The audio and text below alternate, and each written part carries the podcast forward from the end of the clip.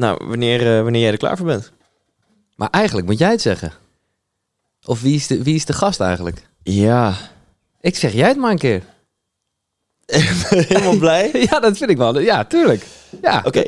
Nou, dan mag jij tussendoor wel even je naam zeggen. oké. Dus dan, eh, ik ga gewoon beginnen en je voelt hem aan. Ja. Hoi, mijn naam is Thijs Lindhout en ik eh, zit hier samen met... Giel Belen. En je luistert naar de 100% Inspiratiepodcast. Wauw.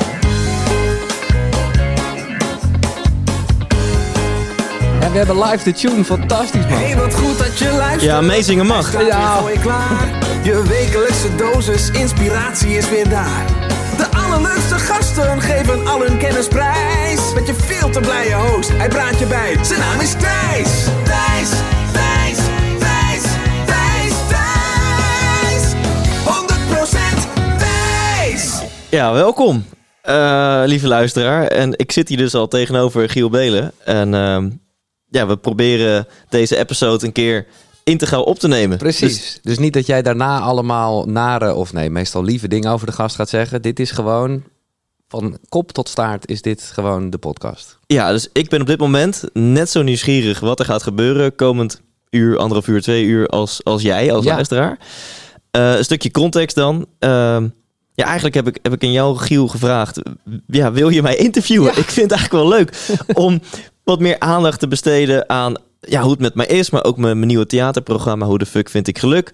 Ook omdat ik in de eerste vijf shows merkte dat eigenlijk heel weinig mensen in de zaal zitten die ook mijn vorige show hebben gezien. En toen dacht ik, ja, hoe kan dat nou? Misschien, Ja. misschien dat mijn vaste trouwe podcastluisteraar of mijn vaste volger, dat die misschien nog helemaal niet weet dat ik een nieuw theaterprogramma heb. Nou of, ik moet eerlijk zeggen, ik heb er ook wel over nagedacht. Het kan natuurlijk ook zo zijn eh, dat mensen denken... ja, ik heb die eerste show gezien... en eigenlijk werd daar het antwoord al gegeven op de vraag... hoe vind ik geluk? Want eh, om gelijk even kritisch te zijn... het is misschien wel de slechtste titel ooit... voor, een- voor deze theatershow. Ja, ja, Ja. nou ja ik, ik eh, Ja. waardeer je eerlijke feedback. En eh, ik kan niet zeggen dat ik er zelf heel anders over denk. Nee, maar dat maakt niet uit. Maar dat kunnen we dan in ieder geval in dit gesprek duidelijk uitleggen. Dus op het moment dat je de eerste show hebt gezien en je denkt, ja, maar daar ging het toch eigenlijk over hoe de fuck vind ik geluk. Nou ja, dan is dit wel echt 2.0. Eh, want dit, gaat, dit geeft wel echt antwoord op de vraag, nou ja, waar je destijds mee eindigde. Ja, jij, jij- jij hebt gewoon aan het begin van je nieuwe show, als ik dat even mag spoilen, doe jij je theatershow, die eerste show, in één zin. Ja. Namelijk, Ja, we, we doen daar twee uur over.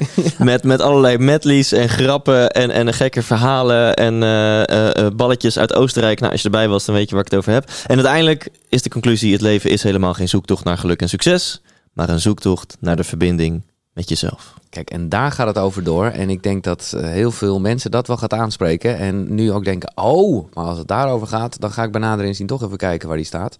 Ehm, voordat ik eh, begin met de eerste vraag, moeten we nog dat tussending... Ja, nee, we zitten nog in de intro. We zitten nog in de Ja. intro. Ja, nee, oké. Ja. Dus wat wil je nog zeggen in de Precies. Het intro? was in principe de bedoeling dat je gewoon stil was op dit stukje. Oh ja, maar, oh, ja eh, natuurlijk. Ik ben al nog Ja, nee, dat is fantastisch. En ehm, nou, j- jij hebt ja gezegd. Ik zei tegen jou, Giel, ik kan zelf een podcast vol lullen over eh, mijn nieuwe programma. Maar één, dat vind ik niet zo leuk. eh, is voor de luisteraar denk ik ook minder leuk. Dus ik ben op zoek naar iemand die met mij het gesprek aan wil gaan. Eh, en ik kan eigenlijk maar één iemand bedenken die dat het eh, allerbeste kan doen. En dat ben jij. En toen zei je, eh, zei je ja, met liefde. Ja, Eh, en je hebt gisteren in Spijkenisse mijn show gezien. Dus hier zitten we. En we hebben dus wel enigszins een focus. Maar aan de andere kant ook weer niet. En mijn vaste luisteraar die weet dat vaak dit soort... eh, om de druk gewoon even op te voeren voor ons. Vaak worden dit soort episodes het allerleukst. Ik heb het een keer met Serijde Groenhart gedaan. Een keer met Wigert Meerman. Een keer met Ilke de Boer. En juist die, die free format episodes waarin we lekker gaan lullen... ehm, Ja. Ja, zijn, zijn vaak heel erg tof. Dus ik, ik ben heel erg benieuwd. En dan komt hier dan de officiële tussenjingle. nou misschien moeten we nog even Oh. zeggen, want dat is altijd een goede Ja. teaser. Dat kan je normaal gesproken, eh, kan je dat bij een intro zeggen. Op het einde, eh, nou komt er nog echt iets eventjes aan het licht. oh ja, Dat is echt, eh, nou, ben Dus- ook benieuwd hoor. P- precies. Over anderhalf uur, vlak voordat we afronden, zeg ik iets waarvan ik achteraf dacht... Oeh, had ik dat wel moeten delen? Maar ja, het is live, hè, Oké. we knippen niks eruit. Welkom, lieve mensen. En eh, ga er lekker voor zitten en laat je inspireren. 100% Thijs. Ja, Thijs, ik heb de vraag wel eens aan je gesteld, maar het is natuurlijk echt even leuk om hem te spiegelen. Zeker omdat dit ook op jouw eigen kanaal is. Eh, dus, eh, voor aan jou de vraag natuurlijk. Wat wil je laten worden als je groot bent? Ja, Oké, die vraag heb ik natuurlijk wel vaker Ja, teruggespeeld gekregen. dat weet ik. Het- Maar gewoon nu. Precies, want wat ik dan altijd uit mijn hoofd antwoord is... nou, eh, dan wil ik wel wat, wat wijzer worden. En, ehm, en ik zou het ook wel altijd leuk vinden om voor meer mensen grotere zalen te staan. Maar als ik even intune in het nu... ehm, cliché, maar komt naar voren, is, is gelukkig, mezelf, eh, liefdevol... ehm, Wil je vader worden? Ja, Wauw. ja. Wauw. Dat is een overtuigendere ja dan... eh, Oh, echt? Ja. het Oh, ik vond hem zelf vrij onzeker Nou ja, het was wel... Nee, het was wel echt van ja, ik wil. Het was wel ja. Ja, ja en dan, dan kunnen we meteen ook het first Nee, hier precies. induiken. Ja. Circle of Life. Ehm, dat... eh, ja, ik hoop niet dat het heel rauw op je dak komt, lieve luisteraar. Ik heb het al genoemd op mijn socials en ook zelfs in een podcast. Eh, mijn moeder is plotseling overleden. eh, een paar weken geleden. En dat vond ik de, vind ik nog steeds het allermoeilijkste. Ze is 68 geworden. En ze wou zo graag oma worden. Oh, oké.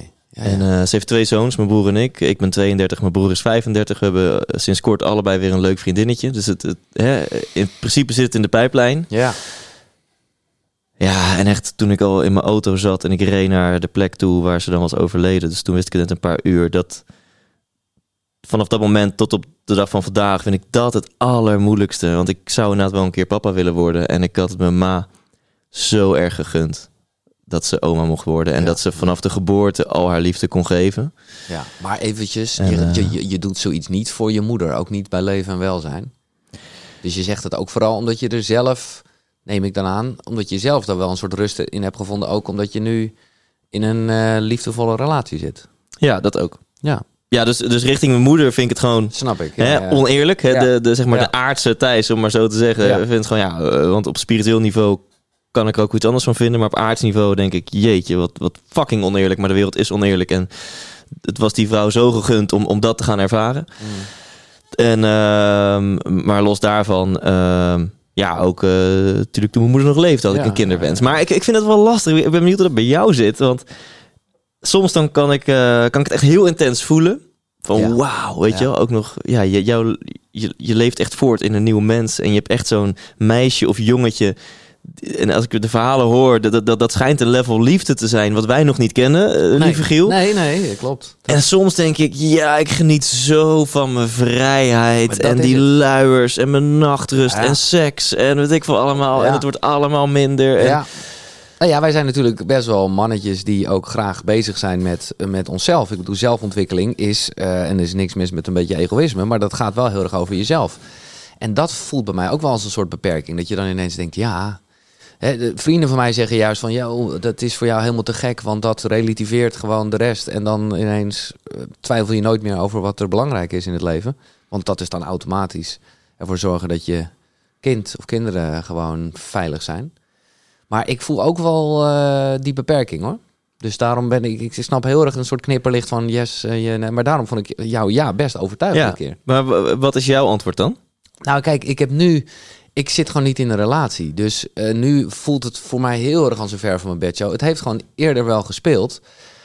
En toen kreeg ik, eh, hoe zeg je dat, koud watervrees. Dus toen was ik er helemaal klaar voor, zei ik. En toen merkte ik toch van, oh nee, ik ben helemaal niet klaar voor. En eh, ik durf dit niet aan. En allemaal verantwoordelijkheden doemden zich op in mijn hoofd. Ik moet eerlijk zeggen dat ik daarna, want dit is wel een tijdje geleden... eigenlijk ook in de heel erg, in de, in de in, ja, ik zal maar zeggen, de koekeroe-zoektocht... ik wel mensen heb gesproken die er toch wel wat relaxter in staan. Ook namelijk, dat was wel een soort rust die ik moest hebben... dat kinderen nooit van jou zijn. En dat, zo voelde dat wel, als ik het ook heb over verantwoordelijkheid en zo. En natuurlijk wil je het beste voor je kinderen. Maar in principe zet je gewoon een mens op deze planeet. En ook dat mens zijn, die, die is van zichzelf. Ja. En dat voelde wel als dat ik dacht van... oh, als ik dat eerder had geweten en echt ook het gevoeld...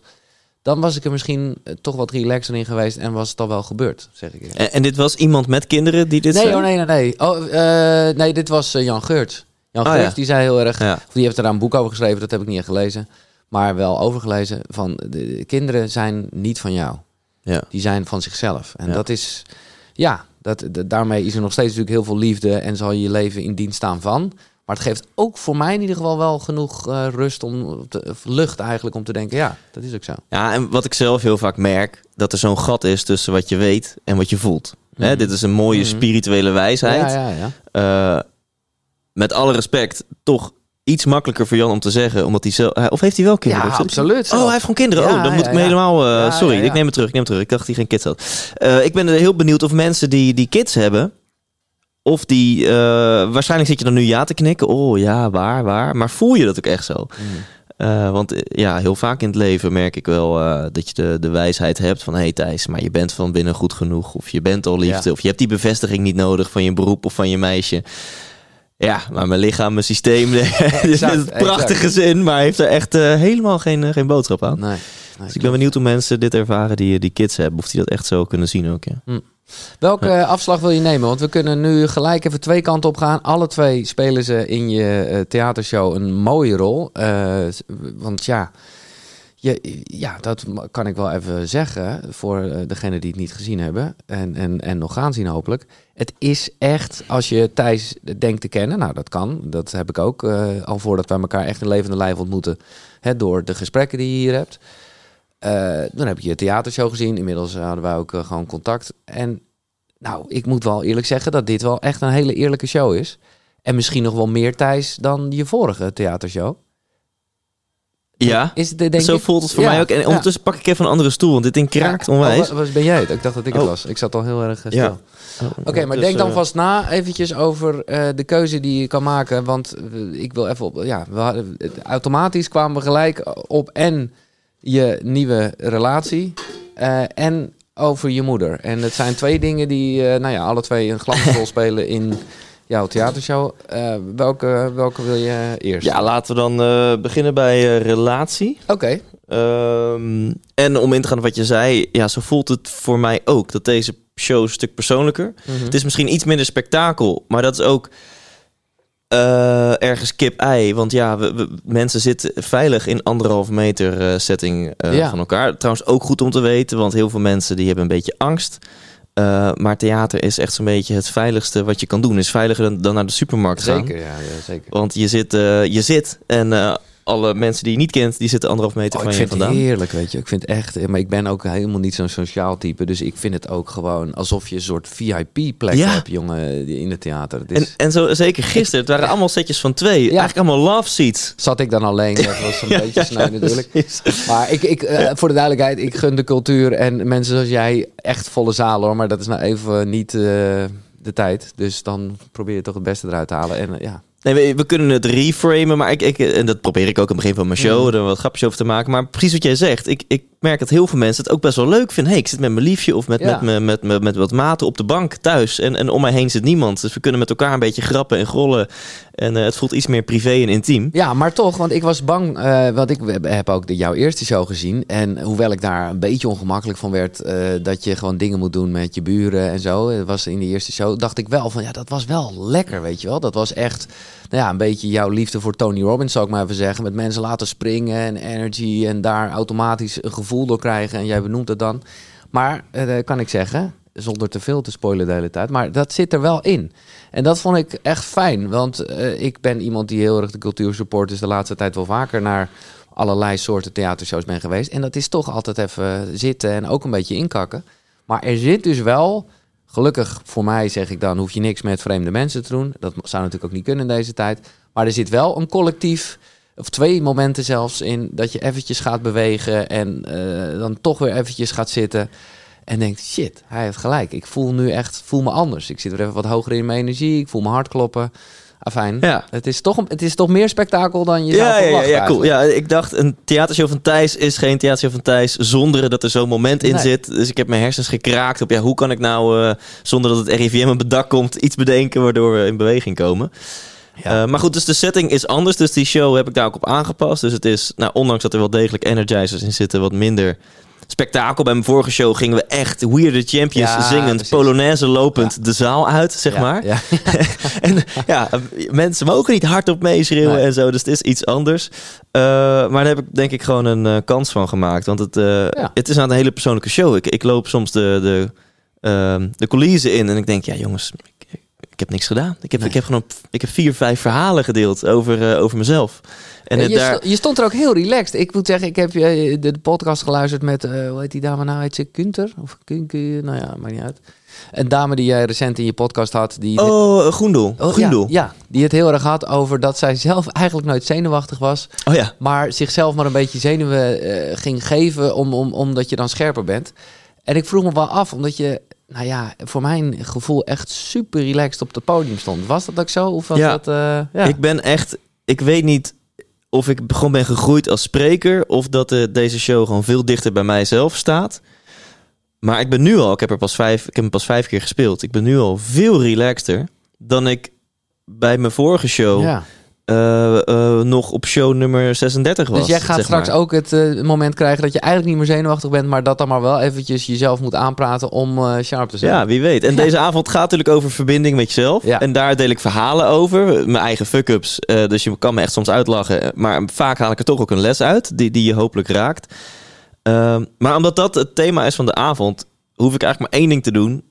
En dat is in verbinding met mezelf staan. ja, ja. En voor de rest... Ja, dat nou- klinkt makkelijker dan het is, toch? Ja. Dat is, eh, vind ik echt super moeilijk. Maar dat is de reminder die ik mezelf in de, in de coulissen geef... voordat ik oploop. ja. Van Thijs, eh, je hoeft maar één ding te doen, deze show. Want als je deze show met impact wil brengen... hoef je maar één ding te doen. En dat is contact maken met jezelf. Ja, mooi. We gaan En- het even over de liefde hebben, dat hadden we beloofd. Kijk, ik, jij was de gast in eh, mijn podcast. En nou, dat was een eerlijk en openhartig gesprek over vele dingen. Daar zullen we echt nog wel op terugkomen ook in dit gesprek. Maar eh, over de liefde is het niet gegaan. Eh, daar was je nog niet helemaal klaar voor. Maar na afloop, eh, ik was een beetje shit aan het afbreken. En wij stonden gewoon nog, we waren ondertussen aan het praten. En toen kwam de ontboezeming. Eh, maar je wilde dat toen nog niet zeggen in de podcast, toch? Daar was het iets te vers voor. Had ik Ja, want het was nog niet officieel, maar er was wat aan het borrelen. Nou, En ja, ik was verliefd as fuck, maar Ja. ik, eh, het was gewoon nog niet officieel. Nee, oké. Ja. Ehm, ja, en, en want je kent haar dus al best wel lang. Ja. En nu denk ik dan, oh god, gaat ze het wel oké vinden als ik het verhaal vertel? Nou, Maar- ik weet niet of ze al naar, is ze al naar je theatershow geweest? Ja, zeker. Oh, nee, nee, nee, nee, absoluut. Oké. Oh, Oh, oh nou, we, we nemen gewoon door op. Schijf is te langzaam. Dat is toch, eh, oh. dat is opmerkelijk. Oké. Moet je te veel sporen hebben of wat? Maar hij loopt ook Ja. niet meer, hè? Ja, maar hij loopt hier nog wel. Oh, oké. Dus dan, eh, ja, hier kunnen we op vertrouwen, toch? Er staat hier rek. Ja, dat is waar. Of mag ik toch even plassen dan nog? Oh, eh, ja, Ja, is ik- goed. Maar dan bij, bij Koekeroe loopt hij dan gewoon Ja, door. maar maar zal ik hem dan toch even op pauze zetten? Oké, lieve luisteraar. Even een korte pauze. Laat maar weten als je er weer klaar voor Ik ben er klaar voor, oh, zeker. Ah, de, Giel heeft heel snel een plasje gedaan. Ja, Eh, nou, het is het stomme. Dus ik, eh, op het moment dat jij het hebt over verbinding met jezelf, dan ga ik gelijk even voelen en dan moet ik het dus ook gelijk plassen. Dat is een rare, ik heb Oh, het vaker, ja. Een soort van gave die ik heb. Nou ja. Maar goed, we hadden het over eh, jou. eh, Oh, ja, mijn liefje. Die, Ja. die heeft mijn show eh, zeker eh, gezien. Ook de try-outs en zo. En ehm, nou, dan vindt ze het vast niet erg dat we het er nu over hebben. Want er, er zit al een hoop... eh, ja, dus ik, ik ken haar al een tijdje. Sterker Ja. nog, ik heb haar dus ontmoet eh, na een show. En dat vind ik altijd een beetje ongemakkelijk om te zeggen. Want dan, dan denken mensen al gauw... Oh, ben je met een groepie gaan? eh, maar dat is echt totaal niet wat het, wat het is. Ehm, misschien herkennen andere mensen dat als je als op het podium staat. dat achteraf kunnen mensen naar je toe komen met een soort van... Ja, echt een fan-vibe. Ja. En soms komt iemand naar je toe achteraf en merk je van... Wow, wij hebben een klik. Wij Ja. matchen. Jij staat hier niet als eh, bewonderaar of als fan... maar gewoon omdat wij als personen gewoon een klik hebben. En ik had zoiets eh, bij haar. Dat was wel grappig. Dat was ook heel ongemakkelijk. Want zij dacht, oké, ik vind die gozer leuk. En ik moet gewoon achteraf eh, even op hem afstappen. En ja, waarschijnlijk hebben we gewoon een klik. Dus dat gesprek komt echt wel op gang. En hier hebben we het gewoon nog wekelijks over. Want we het zo grappig vinden. Omdat het een, toch een beetje awkward Ja, werd, dus of- zij, zij loopt op mij af. Dit was anderhalf jaar geleden. En ze denkt gewoon, ik hoef alleen maar voor te bereiden. Hoi. En de rest gebeurt vanzelf. Ja. En ze zei geloof ik, hoi, hoe gaat het met je? En ik zei, goed. Terwijl ik in mijn show het honderd keer heb over... Ja, het gaat altijd intens met je. Ja. Dus zij had iets van, het moet niet intens met je gaan dan. Maar zij stond zo dichtbij. Je hebt soms van die mensen die in je aura ja, staan. ja, ja. Nou ja, zij was op dat moment zo'n persoon. En ik dacht, omdat ik aan het einde van mijn show iets doe met een vrouw... en dan met zo'n klein dansje... En dan vraag ik ook, ben je impulsief? En dan zoen ik er in ieder geval. Dat vertel ik dan, dat doe ik dan niet. En ze stond zo dichtbij, dus ik denk, die chick wil me zoenen. Die chick die gaat me gewoon op mijn bek pakken. Dus ik keek blijkbaar heel angstig. En dat raakte haar, waardoor... Dus we stonden heel dicht bij elkaar en het, het gesprek sloeg stil. En toevallig was eh, de, eh, Guido, Guido Weijers was Ja. erbij. Die kwam kijken in die show en die, die zag dat ook. En die vond het zo ongemakkelijk. Die zei, nou, ik laat jullie wel even alleen. Eh, ik, ga er, ik ga er wat tussen. Oh, wauw. Ehm, maar goed, dat is anderhalf jaar geleden. En daar, ja, daarna via Instagram contact gehouden en, en, en gaan daten en zo. En heeft het dus uiteindelijk heel lang geduurd voordat de, de, de echte vonk is overgesprongen. Nou, ik vind toch echt, ik vind dat we alles kunnen zeggen in dit. Ja. eh, maar ik vind dit, dit verhaal moeten we niet verspelen. Eh, Hoe jij echt uiteindelijk Ja, de liefde. Is het de liefde van je leven? ja, Ja. dat denk ik wel. Ja, precies. Dat, eh, dat, dat moet je bijna wel zeggen. Maar dat voelt natuurlijk ook. Nee, maar dat voelt ook echt zo. Eh, en zo, dat zie ik ook aan de twinkeling in je ogen. Hoe dat uiteindelijk dan toch is opengebroken en jij jezelf, nou ja, in verbinding met jezelf het, het hebt toegestaan. Ja, dat eh, is een mooi verhaal en een heet verhaal. En eh, dat eh, zit in de theatershow. Ja, ja, ja, precies. En wat, wat ik wel over kan zeggen is dat inderdaad, ik, ik heb een bepaalde experience met haar meegemaakt. Wat, wat een laatste, het laatste zetje was voor mij om, om blijkbaar ineens volledig die liefde toe te laten. En ik denk dat ik gewoon heel erg rij- rijp was. En dat, dat heb ik geleerd van Henk Fransen, die ik heb geïnterviewd. Mhm. Die staat trouwens in de top 2, op nummer 2 van best beluisterde Ja? interviews all time van mijn podcast. Dus Jan Geurts op Op 1. één, ja, dat dacht En Henk Fransen op twee. Eh, Hij heeft het over de vijf levels van zelfgenezend vermogen van je lichaam. Maar, eh, en er zijn wel eens mensen die, die hem echt credits geven van door jou ben ik van kanker of zo afgekomen Mhm. en, of zoiets. En hij, hij is daar gelukkig en terecht heel bescheiden in. Ja. En hij zegt van nou, dat zegt meer over de student dan over mij. Eh, als een appel aan een boom hangt en die is totaal niet rijp, ja, dan kun je eraan rukken, maar hij blijft, Ja, ja, hij blijft hangen. Nice. Als een appel super rijp is, hoef je er maar naar te kijken of hij Bam. valt van de boom. Dus als een student heel erg rijp is, dan kan je jezelf als leraar, of dat nou podcaster is of wat Mm. dan ook, eh, allemaal veren in je reet steken. Maar waarschijnlijk was diegene gewoon heel rijp en jij was degene die die laatste druppel Ja, gaf. maar geef wel En- die laatste druppel. Ja, en ik, ik denk dat ik heel rijp was en we deden iets. En toen ja, dacht ik, holy shit, ik, waar, wie heb ik voor de gek gehouden? Ja. Ik ben zo gek op haar. En als je dan, Steve Jobs, you can only connect, connect the dots looking backwards. eh, uitspraak van Steve Jobs. Ja. Toen ben ik terug gaan kijken, of dat doen we nu nog steeds, vinden we heel leuk. En dan zie je ineens, ja, wacht eens eventjes. Die anderhalf jaar lang, ja, ja. waarin ik mezelf vertelde dat, dat we geen match zijn en, en, en dat de klikker niet is. Eh, op papier is het een goede match, maar bla bla. Ja. Ehm, ja, maar waarom heb ik er dan meegenomen naar buiten gewoon leiderschap? En vond ik het belangrijk dat ze al die guys backstage ontmoeten. Mhm. We hebben samen oud en nieuw gevierd. Ja, We zijn samen, eh, ik had Floris Wouterson, slaapexpert, Ja. geïnterviewd. Ja. En hij nodigde me uit om te gaan eh, dineren met zijn vrouw. Wie nam ik mee? Dominique, weet je wel? Dus en zoveel voorbeelden. We facetimeden vaak. Eh, toen ze op wereldreis ging, voelde ik toch een beetje jaloezie. Eh, weet je wel? Dus, dus Maar je het, terugkijkend... precies, terugkijkend is dat. Want dat gaf je op dat moment waarschijnlijk zeker niet aan jezelf. Nee, echt niet. Als je, als je mij een half jaar geleden had geïnterviewd, dan had ik echt gezegd van ja, het is echt superleuk chick, maar eh, ja, de, de, Nee.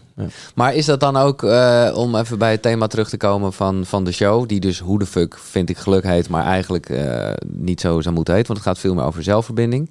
Wat echt, nou ja, voor mij een, eh, zo'n thema is. Kan je gewoon zeggen dat je toen minder in verbinding met jezelf stond en dus niet klaar was om liefde te geven en ontvangen? Ja, absoluut. Oké. Absoluut. En dat was ik me niet bewust van.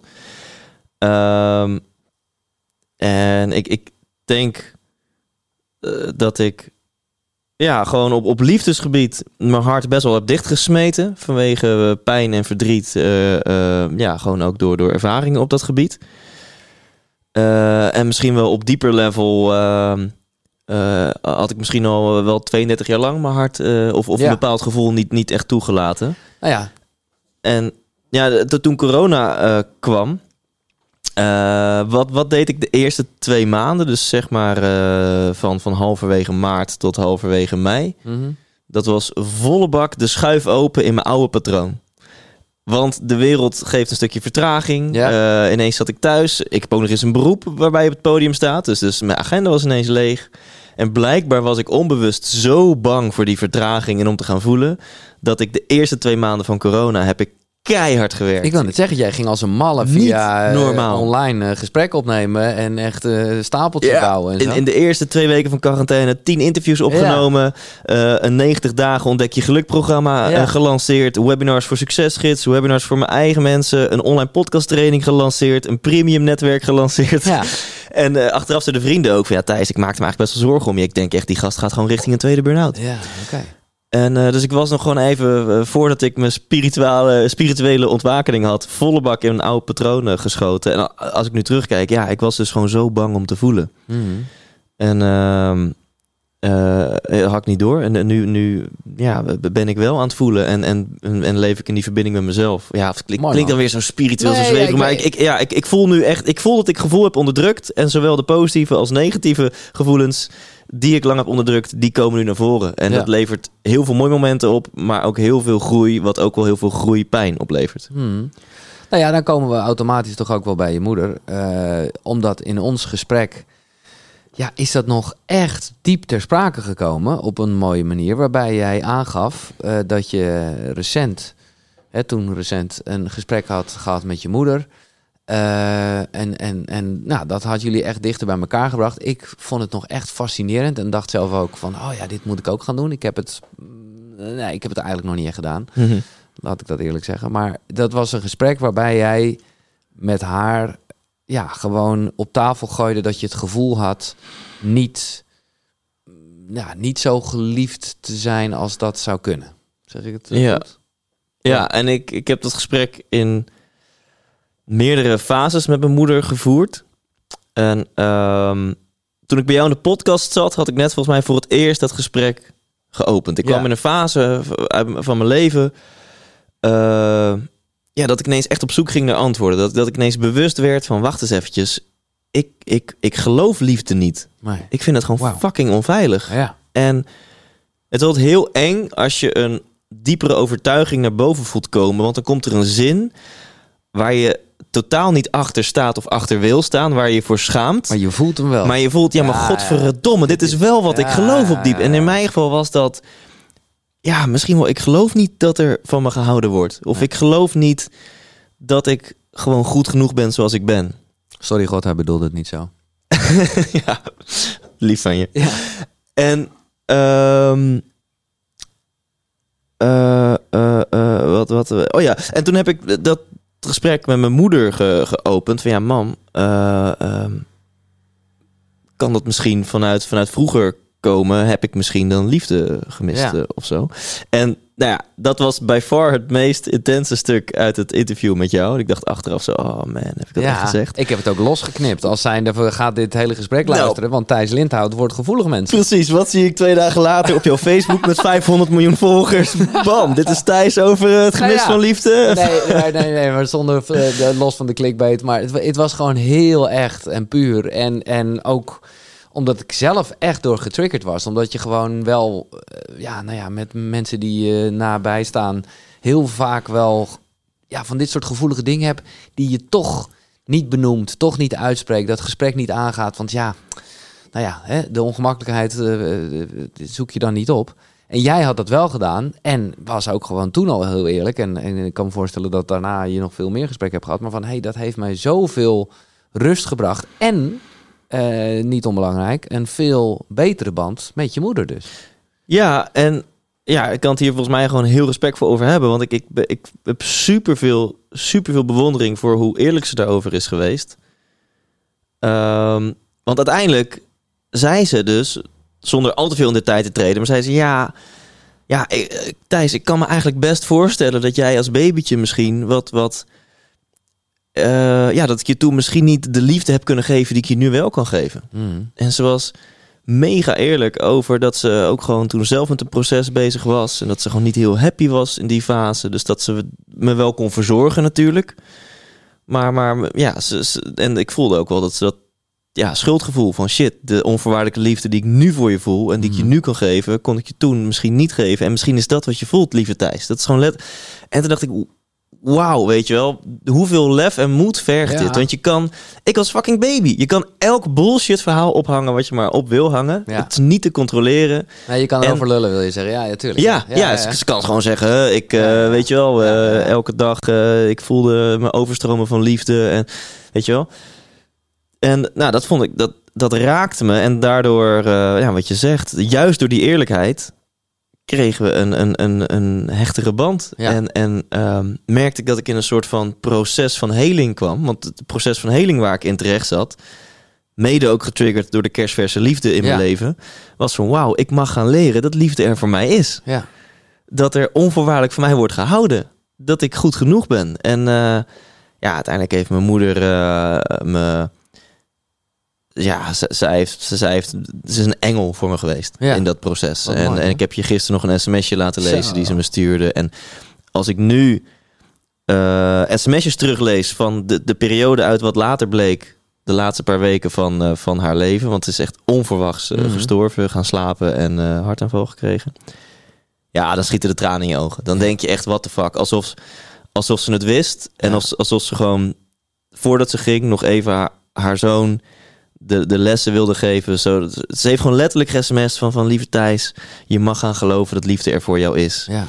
En eh, weet je wel, en Dominique is er voor jou en die kiest voor jou. En eh, ik, ik gun je nu in de bloei van je leven dat je mag gaan ontspannen en dat je liefde mag ontvangen en liefde mag geven. Nou, echt dat soort teksten. En ja, Nee, maar, Ja, maar ook al- alsof je het zelf aan voelde komen. Dat je gewoon dus, eh, nou ja, de- achteraf gezien eh, logisch voor in de fase waarin je zat. Maar wel zo mooi dat dat nog Ja. gebeurd is, toch? Dat je, die, dat je nog, eh, ja.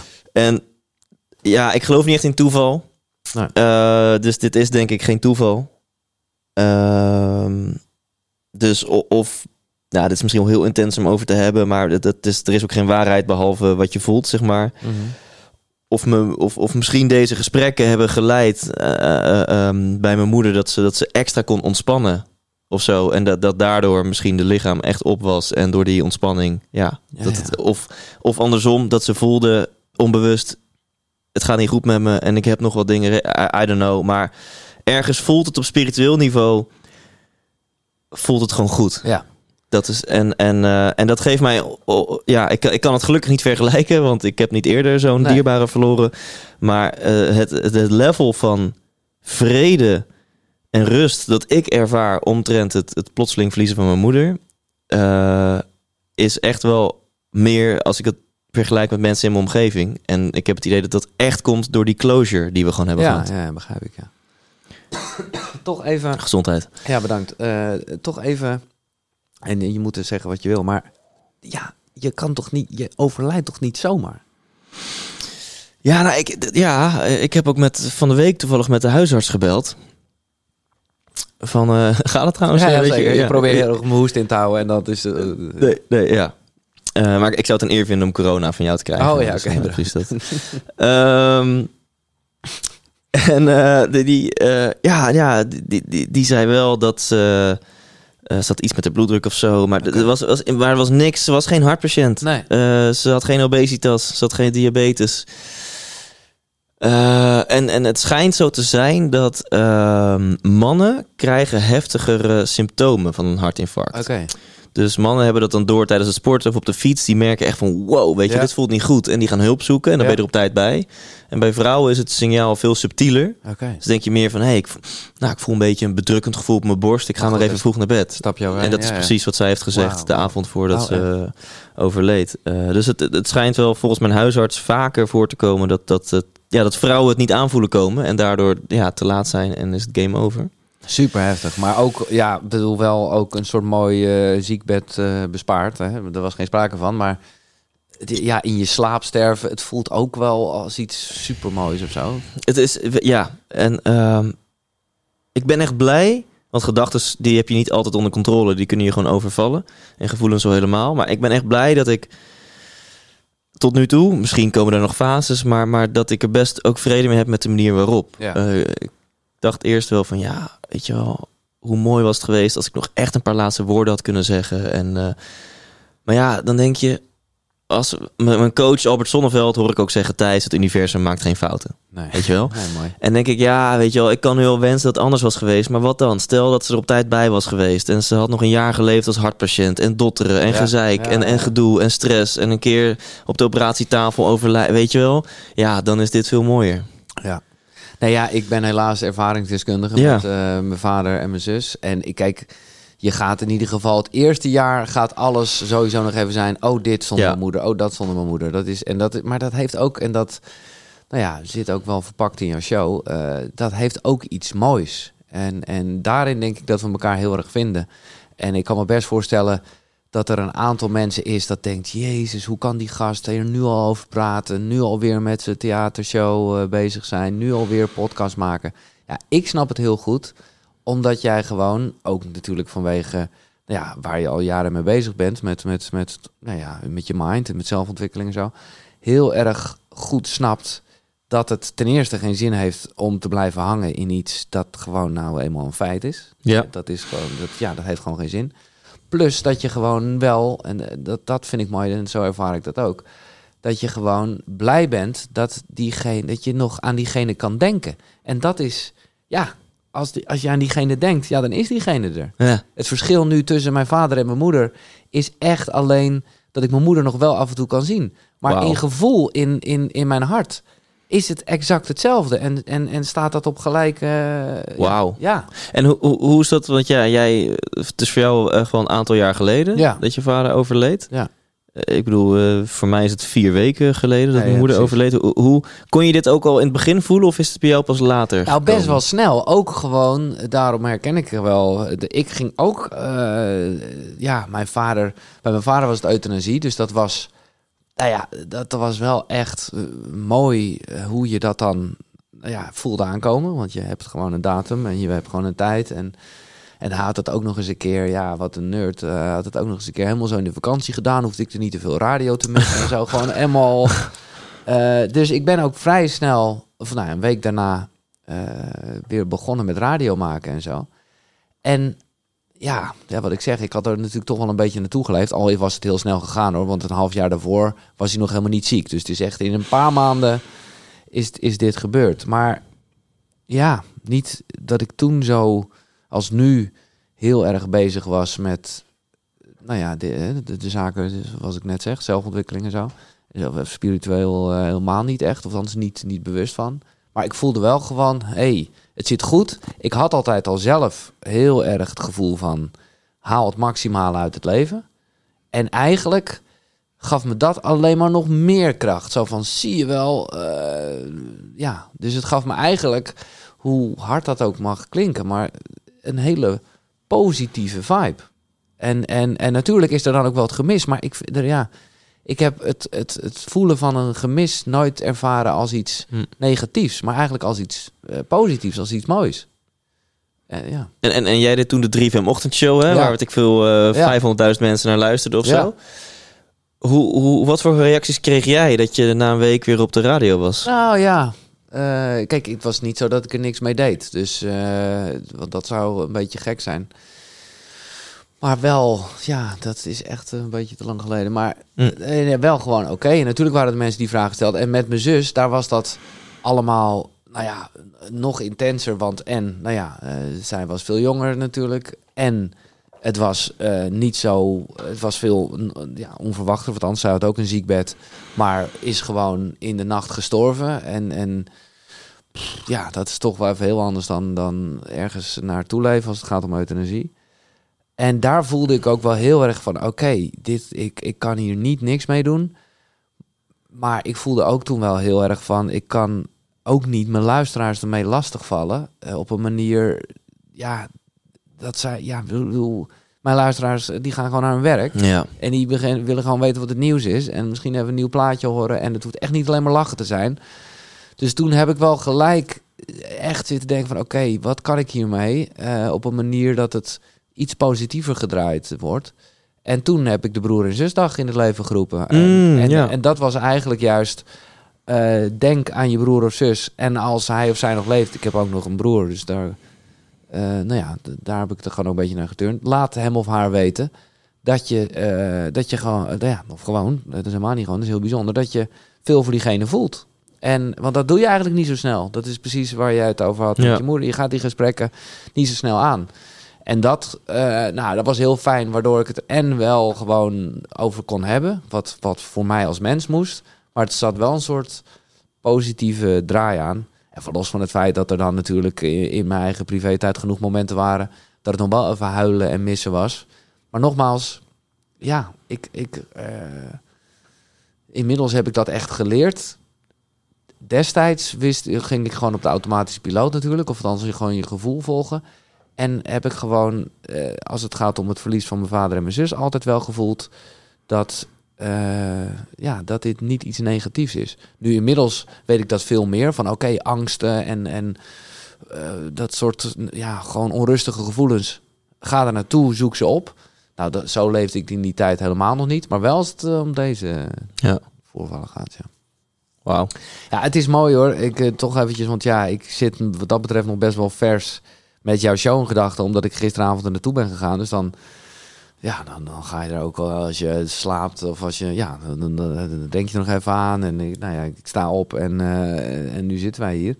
Ik vond het echt, want natuurlijk doe jij ook iets met je moeder in deze show. Mhm. Eh, de manier waarop is voor iedereen, ja, zeg ik dan vanuit mezelf, die wel iemand dus heeft verloren, een hele, hele mooie, een hele fijne ook. Een, een, een fijn, eh, ja, ik weet niet of je dat een oefening moet noemen, of, nou ja, ja, een beleving. Ja, Nee, daar ben ik dan heel nieuwsgierig naar. Want, want ik mag niet bij elk theater naar de show de foyer in om met de mensen te nee, hangen. Dus nee, ik, nee. Ehm, uiteindelijk, eh, ja, ik ga natuurlijk niet de hele avond alleen maar over mezelf lullen. Ik zit er ook voor de zaal om, om jou Mhm. verder te helpen in jouw zoektocht naar geluk en verbinding. Dus na een tijdje dan leg ik hem bij jou neer als eh, Ja. publiek zijnde. Ja. Van nou ja, eh, ga eens in gedachten naar iemand die jij bent verloren. Ja, En eh, nou, laten we dan daar even bij stilstaan. En wek die persoon tot leven. Want die persoon die is niet dood, die is springlevend. Namelijk in jouw hart. ja. En nou ja, laten we daar zelfs dit liedje aan, aan opdragen. Denk jij dan op zo'n moment ook echt aan, aan, aan jouw vader en zus? Absoluut, absoluut. Ja, daar is, ja, eh, ja. Dus, je- want jij zegt neem iemand in gedachten. Ja, ik denk dan natuurlijk gelijk, nou, we gaan geen keuze maken. Ja. Eh, dus, dus, en, en ja, dat, dat is natuurlijk van het gezin waarmee ik ben eh, opgegroeid. Dus dat is, de- ja, ik zie ze ook dan vaak letterlijk wel hand in hand staan. Och, Ja, maar het is echt, het, dat is het wat het is. Het is niet dat ik denk, Jezus, moeten we het daar nu over hebben en ik dacht gewoon een avondje uit te zijn. nee, het, de, de- ik bedoel, ik was er niet op voorbereid, uiteraard. Maar ik, het was vooral, oh lekker. Hey, wat fijn dat je mij even het moment gunt om daaraan te denken op een manier dat ik, eh, ja, dat gewoon lekker rustig in zit. En, eh, en, en, en dus niet vanuit angst, pijn of ja, ja. nou ja, verdriet misschien wel een beetje, maar niet in de negatieve zin. Gewoon, ja, gewoon vooral echt het warme. Ja. Eh, ja. Nou, en dat is toch wel eventjes, ja, het zijn allemaal een beetje side notes, maar we hebben het hier, ja, ik vind dat wel bijzonder. Kijk, wij, eh, ik ben bij jou, nou, dat is nu eh, meer dan een jaar geleden te gast geweest. Eh, ik voelde van tevoren heel gek al een soort klik, want ik luister naar je podcast. Dus dat was. Dus ik Ja. had al bedacht, oké, die Thijs, die geef ik een primeur. Die, zit, die denkt zelf Mhm. vooral gewoon met een disjockey te gaan praten en een beetje over, nou ja, waar jouw gesprek over gaan, hoe iemand succesvol is geworden of zo. Maar ik dacht al van, oké, ik ga hem vertellen iets waar ik toen al mee begonnen was, maar nog niet naar buiten mee was gekomen. Maar de- ik was wel begonnen met opnames. Ik ging heel erg eh, jou de primeur geven van eh koekeroe en dat ik bezig was met zelfontwikkeling en Ja. hele ochtendritueel heb ik gedeeld. En zo. ja. Eh, nou ja, lang verhaal kort. Daarna zijn wij, wat ik heel fijn vind, echt best wel connected gebleven. ja, ja. Heb je me veel tips gegeven? Nou, ik ben dus naar je eerste theatershow geweest. En, en vervolgens ja, vraag je aan mij muzikaal advies voor de show die dus nu in het theater Ja. is. Nou, dat vind ik altijd leuk, want ik ben gewoon muzieknerd natuurlijk. Dus, eh, en nou ja, jij geeft mij de thema's. En dit is dus echt best wel een paar maanden geleden. Ja. Eh, en het gaat over zelfliefde. Dat is eh, nou, nog best moeilijk om daar liedjes over te Ja. vinden. Want ze gaan natuurlijk alleen maar over jonge meisje. Even Ja. kort door de bocht. Ehm, maar dus ook, daar wil ik naartoe, maar dus ook over de dood. En nou, daar zijn heel veel nummers over. Maar op dat moment, Ja. eventjes voor de goede orde, ja. Oh, was, was er nog helemaal geen sprake van dood in jouw leven. Ja, ik, ik heb staan try-outen en tegen de mensen gezegd... ik wil het ook met jullie hebben over de dood. Waarom? Omdat het volgens mij een taboe onderwerp is. En laat ik dan maar degene zijn die dat openbreekt. We, we gaan allemaal een Ja. keer. En we verliezen allemaal dierbaren. Ja. En kunnen we er, ja, gek genoeg, iets inspirerends uithalen. Hè? We gaan hier niet met z'n allen gewoon eh, jankend eh, terug de Nee. zaal uit. Maar ik wil, dan, nou, dan zie ik het als mijn roeping. Mede omdat ik een rouw-expert heb geïnterviewd... die, die echt hele wijze dingen erover Ja. heeft gezegd. En echt eh, prachtig interview, eh, Manu Kersen. Ja, hij is een topgesprek. En, en het, is, het, is een, het is een zeer inspirerend onderwerp, omdat je gewoon... Nou ja, dat doen wel veel eh goeroes, zal ik maar even zeggen. Of coaches, of whatever. Eh, namelijk gewoon, denk wat, eh, wat je, hoe, hoe zou je uitvaart zijn? Precies. En wat zou je denken op je, op je sterfbed? Wat had je anders gedaan?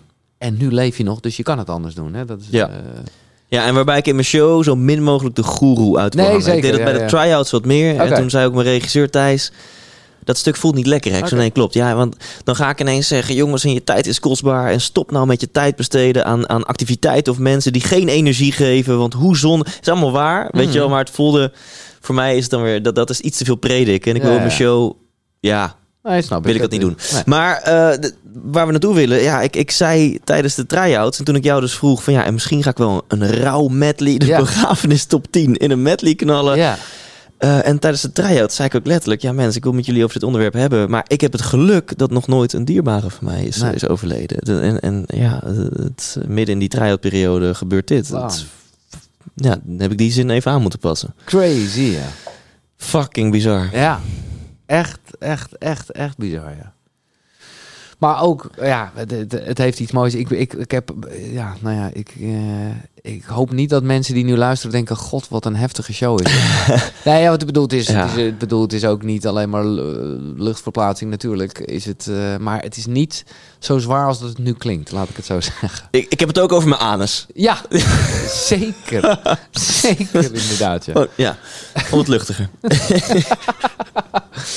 Ja, hè, ik- Maar- ja? Nee, nee, ik was benieuwd of jij, eh, je pakt je... Nou, ik was even benieuwd. Ik nou, nee, ik zat gewoon even. Ik wilde gewoon even kijken eh, naar onze gedeelde Spotify-lijst. Die, eh, of, of dat weet ik dus eigenlijk niet.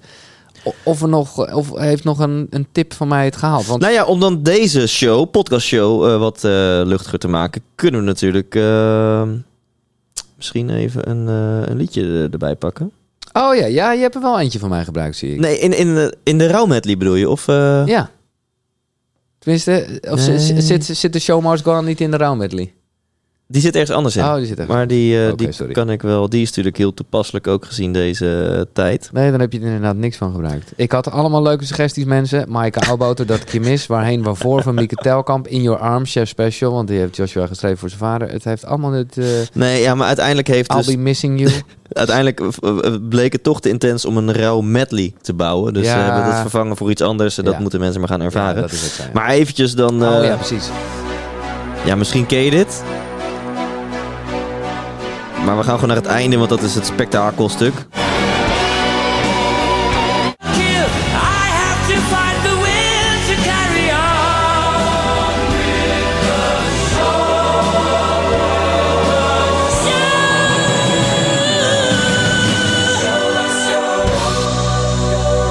Ja, the show must go on. Zit hij in de corona medley? Ja. Oh ja, precies. ja.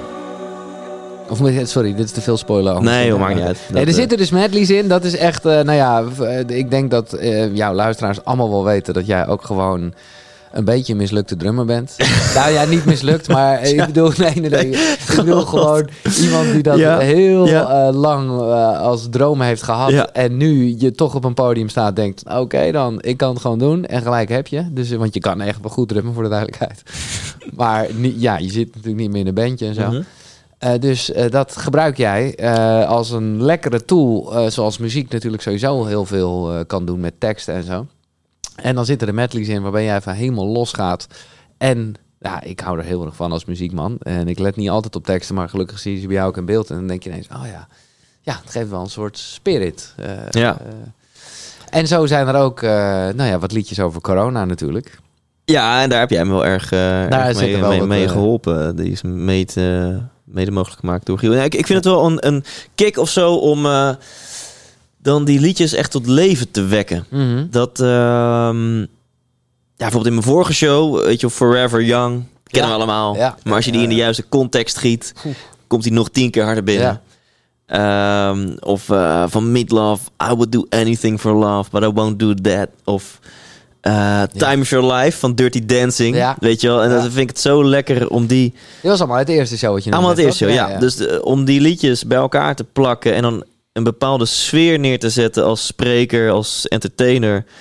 En ze dan ja, alles, alles staat of valt bij framing. Dus dan gooi ik het in een bepaald frame. en Ach, dan zeg man. ik ineens, jongens, deze liedjes gaan gewoon over follow your dreams. En dan beginnen we met van, hè? Tina Turner, eh You're. Simply the Best. En dan Working on a Dream Ach. van eh, Bruce Springsteen. En Oké, Thijs. Giel heeft een klein orgasme hier. Ja, nee, maar ik, ik ga weer plassen.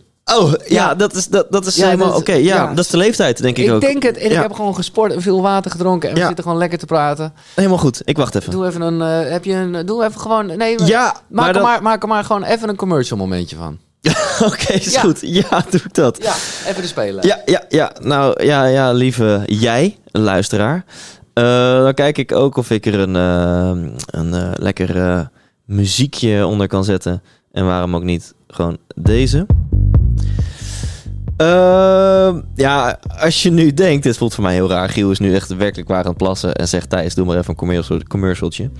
Maar als je deze show wil ervaren, hoe de fuck vind ik geluk? Nou ja, wat dus toegegeven niet de allerbeste titel is. Misschien eh, straalt die titel wat, eh, ja, wat ik veel, eh, rebelsheid uit of wat populisme of zo. Terwijl, nou ja, het voelt voor mij als juist een hele zachte show, zeg maar. Die, die gaat uiteindelijk over zelfliefde. Ehm, en we gaan ook gewoon eh, lol trappen natuurlijk met z'n allen met, eh, met muziek en zo. Maar goed, wil je daarbij zijn? Dan eh, kun je gewoon even gaan naar thijslindhout.nl En als je dit hoort, deze podcast gaat live op maandag 12 oktober. En Giel is over terug. Ik, ik, Ja, ik, was net van plan om een hele tourlijst te Oh, delen. Of in elk geval... eens- eh, dat heb je nog niet eens gedaan. Nee, ik was, Oh. was, was net eh één had- adem over. eh, wil je Oh. deze avond beleven? Oh. Ehm, dan, Ik had eh, gewoon een grote boodschap kunnen doen. ja, Wat niet ja, nodig is. Precies, oké, oké. Maar goed, dan check. En, en dus als je dit hoort, dan ben je nog welkom aanstaande zaterdag in Dordrecht. Daarna ga ik nog naar Groningen op 24 oktober. Nou, check het op thuisleendert.nl. Eindhoven, Doetinchem, Alkmaar, Purmerend, Heerenveen, Gouda, Amstelveen, Wageningen, Almere, Os en Zaandam. Dus Ah, je hebt ondertussen even Billie Eilish opgezet. ja, ik denk een liedje ja, op de achtergrond. Ja. Oh, wat lekker. Ja, top. Ja, dus, ehm, ja, dat is tof. Even voor de mensen die dus... eh, ik weet dat veel van mijn luisteraars in de omgeving Amsterdam wonen. Die weten soms niet dat er een wereld is buiten Amsterdam. Nee, met Eh, permanent Alkmaar ben je ook eigenlijk snel. Precies. Purmerend, Alkmaar, maar ook Zaandam, Amstelveen. Dus lieve Amsterdammers, eh, als je een kwartiertje op de fiets zit of op de, op de e-scooter in Groningen, ja. Zwem even naar Groningen, eh, Martini Plaza. en eh, dan ben je daar gewoon lachend bij via thijslindhout.nl. Mag ik een... dat is altijd wel goed als je even moet plassen. Dan neem je ook even afstand. En toen dacht ik ineens... Oh ja, dat, die vraag moet ik wel echt aan hem stellen. Hebben eh, de combinatie van de dood van je moeder... En, en, en de liefde die je nu hebt... Dus eh, ja, de relatie waarin je in zit... Hebben die eh spiritueler gemaakt? Of, of dat mij spiritueler heeft Ja. gemaakt. Ja. Eh. ja, ik denk wel op, op, op twee niveaus. Ehm, als het gaat om, om, om, om echt gewoon liefde, als in ja, liefde in je relatie, wat uiteindelijk gewoon een reflectie is van zelfliefde. Hè? Want eh, alles zit in je. Hè? Ik kan jou geen liefde geven. Nou, nu ontploft mijn schijf weer, maar Oh. gelukkig gaat hij hier gewoon lekker eh, verder. Bam. Ehm, ja, ik- ik ben echt wel geschrokken van hoe. ehm, want nu interpreteer ik spiritualiteit even in, in de context van je persoonlijke ontwikkeling. Ja. Ik ben geschrokken van, van hoe hardnekkig bepaalde indrukken kunnen zijn uit je jeugd. Dus als je in je jeugd iets hebt meegemaakt waardoor je, nou ja, in mijn geval misschien wel niet echt gelooft dat, dat er om jou wordt gegeven. Nee. Dan kan je heel tof doen. En met een podcast en een uitgekocht Beatrix Theater. En ik was ook echt wel happy. En ik had naar mijn zin. Maar op een dieper level Het zat nog een laagje, ja, ja, ja. zit er toch gewoon eh, een, een, een, ja, een ik ben niet goed genoeg hier. En ehm, daar ben ik wel ja, van geschrokken. Dat, dat, daar ben ik door, ge- ja, Wat grappig. ook al van geschrokken, maar ergens ook al door geïnspireerd.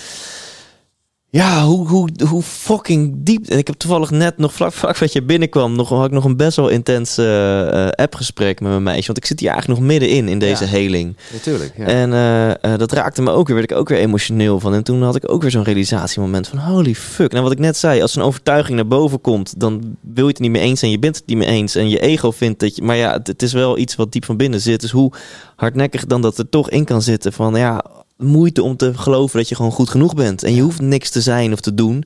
Als je gewoon bent wie je bent, dan ben je meer dan genoeg. Ja.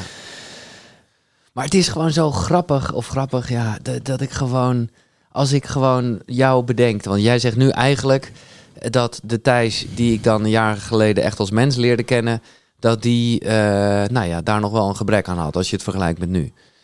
Maar voor mij, maar dat is maar net eventjes van welk niveau je komt, ja, weet je, ik, ik kan, en eh, dat heb ik nog steeds een beetje, echt tegen jou opkijken als het gaat om hoe jij gewoon tijd voor jezelf maakt. Eh, hè, het feit dat je geen WhatsApp hebt en je telefoon gewoon eh, vaak uitzet en zo. Dat ik echt denk van wauw, dat zijn voor mij ja, echt best wel, eh, ja, nou ja, wat ik zeg, dingen waar ik tegenop kijk. Waar voor mij ook heel veel zelfliefde, zeg maar, uit. Wauw. Ja. Eh, en, maar ja, dat is, dat is gewoon maar net even op welk niveau je bent. Ik sta eh, aan, de, aan het begin eigenlijk van een beetje...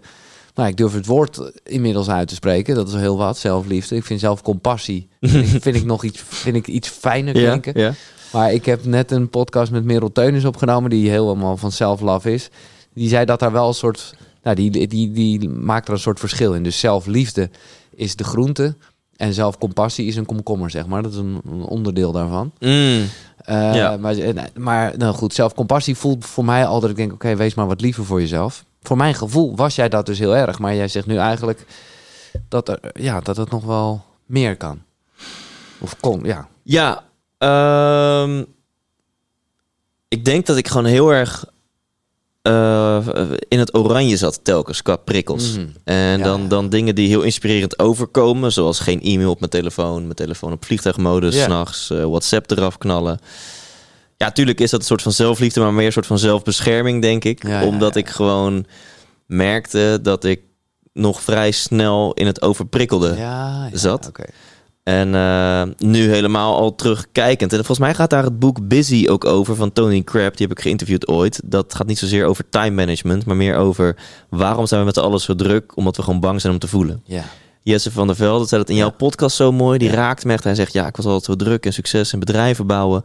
En als ik heel eerlijk ben, was ik eigenlijk gewoon doodsbang. Ja. Van ja, maar wat als ik echt stil word? Wat gaat er dan komen? Wat ga ik dan voelen? Dat is het. En ik denk dat veel mensen dat hebben. Gewoon rennen, rennen, rennen. En eh, niet achterom kijken. Ja, dus I was fine, maar Hmm. Ik had nog een groot, en, en de, de journey never stops, eh, maar ik, ik had nog grote stappen te zetten in mijn groei. En sinds ik eh, ja, verliefd werd, maar daardoor ook in contact kwam met, met überhaupt gevoelens die ik lang had onderdrukt, had ik bijna geen andere keuze dan op die rem trappen. En ineens, al jarenlang, als je mij vroeg, eh, Thijs, wat is nou het nummer één ding dat jou gaat, verder gaat helpen in jouw persoonlijke ontwikkeling, dan wist ik al jarenlang, dat is niet nog een seminar. Nee. Maar dat is de, meer de stilte, de rust, de leegte opzoeken. Dus een stilte retreat of een vipassana Ja, ja, ja, of, of een chakra reinig sessie of weet ik veel wat. Eh, maar ik deed het niet. Dus ik wist ook van ja, ik moet gewoon vaker. Of ja, ik weet dat, dat vaker mediteren mij verder gaat helpen. Maar ik deed het nooit. En tot ik op dit punt kwam dat ik echt begon te voelen. En ik kon er niet onderuit. Dus ik heb ja, sinds vier maanden of zo. eh, ja, bijna elke ochtend eh, ga ik echt even ervoor zitten. Telefoontje uitlaten. En eh, ademhalen. Focus op de neusvleugels. Ja, en, eh, Pas op hoor Thijs, want ik denk dat een hoop luisteraars denken... oh mijn god, het begint een zweefteef te worden. we, we, luisteren juist omdat het gewoon lekker zo'n nuchtere Nederlandse jongen is. Ja, Maar het kan hand in hand gaan. ja, hè? precies. Ja, dat mogen ze denken. Ja. nee, maar dat, nou goed, ook dat, check daarvoor zeker de theatershow, eh, zou ik zeggen. Maar, maar hoe is dat bij jou? Bijvoorbeeld eh Tijn Taube, als ik zijn naam goed Ja, ja, uitspreek. zeker, ja. Die- Die, heeft over in jouw podcast, dames en heren, Koekeroe. Ga dat ook echt checken. Ja. Je gaat als een speer. D- die heeft het over de vijfde dimensie. Ja. En het raakt... Hoe, ja, wat, wat doet dat met jou? Eh, denk je, wow, inspirerend? Of, of, of gaat het jou ook Nou, allemaal dat- een stap te ver? Nou, ik, ik denk sowieso inspirerend en fascinerend. En er zijn wel, ik, ja, ik ben daar wel echt in gegroeid. Op het moment dat ik met Tijn dat gesprek had, was ik al een stukje verder. Terwijl ik weken daarvoor met eh, Robert Bridgman een gesprek had, die het ook had over de vijfde dimensie. En ik, heb hem, ik zei hem dat ook gewoon, want ik ben gewoon altijd wel eerlijk. Ik zei, ja, ik, ik, ik weet niet waar je het over hebt. Eh, leg dit uit. En toen legde hij het wel redelijk uit, maar voelde ik het niet echt. Ik moet heel eerlijk zeggen, en dat heeft ook eh, in mijn hele ja, zelfliefde journey een ontzettend grote rol ingenomen. Zonder daar heel erg voor te prediken. Maar mijn ayahuasca-beleving heeft er echt voor gezorgd dat ik ineens ten eerste dat kleine jongetje in me voelde. En als het gaat over zelfliefde of compassie, of hoe je het ook wil zeggen, is dat misschien wel. Ik, ik maakte het altijd heel groot. Zelfliefde, dat voelde voor mij als iets negatiefs, omdat ik, ja, weet je, wel, ik ben een jongetje uit de mediawereld. Dus dat voelt voor mij als iemand die zichzelf in de spiegel aankijkt. En zegt, Oh. hey, jij hebt het, eh, je, je, weet je wel, dat. Hello Tiger, I love me. Ja, exact. En daar, dat is een van mijn grootste nachtmerries. en word ik al wel eens van beticht. Omdat ik gewoon nou eenmaal best wel onrustig in zichzelf eh, gekeerde jongen ben. Dus als mensen mij dan zien, dan denken nou, die is ook alleen maar met zichzelf bezig of zo. Weet je, Dus Ja. dat kan al. Dus daar ben ik heel allergisch voor, zou ik eh, willen zeggen.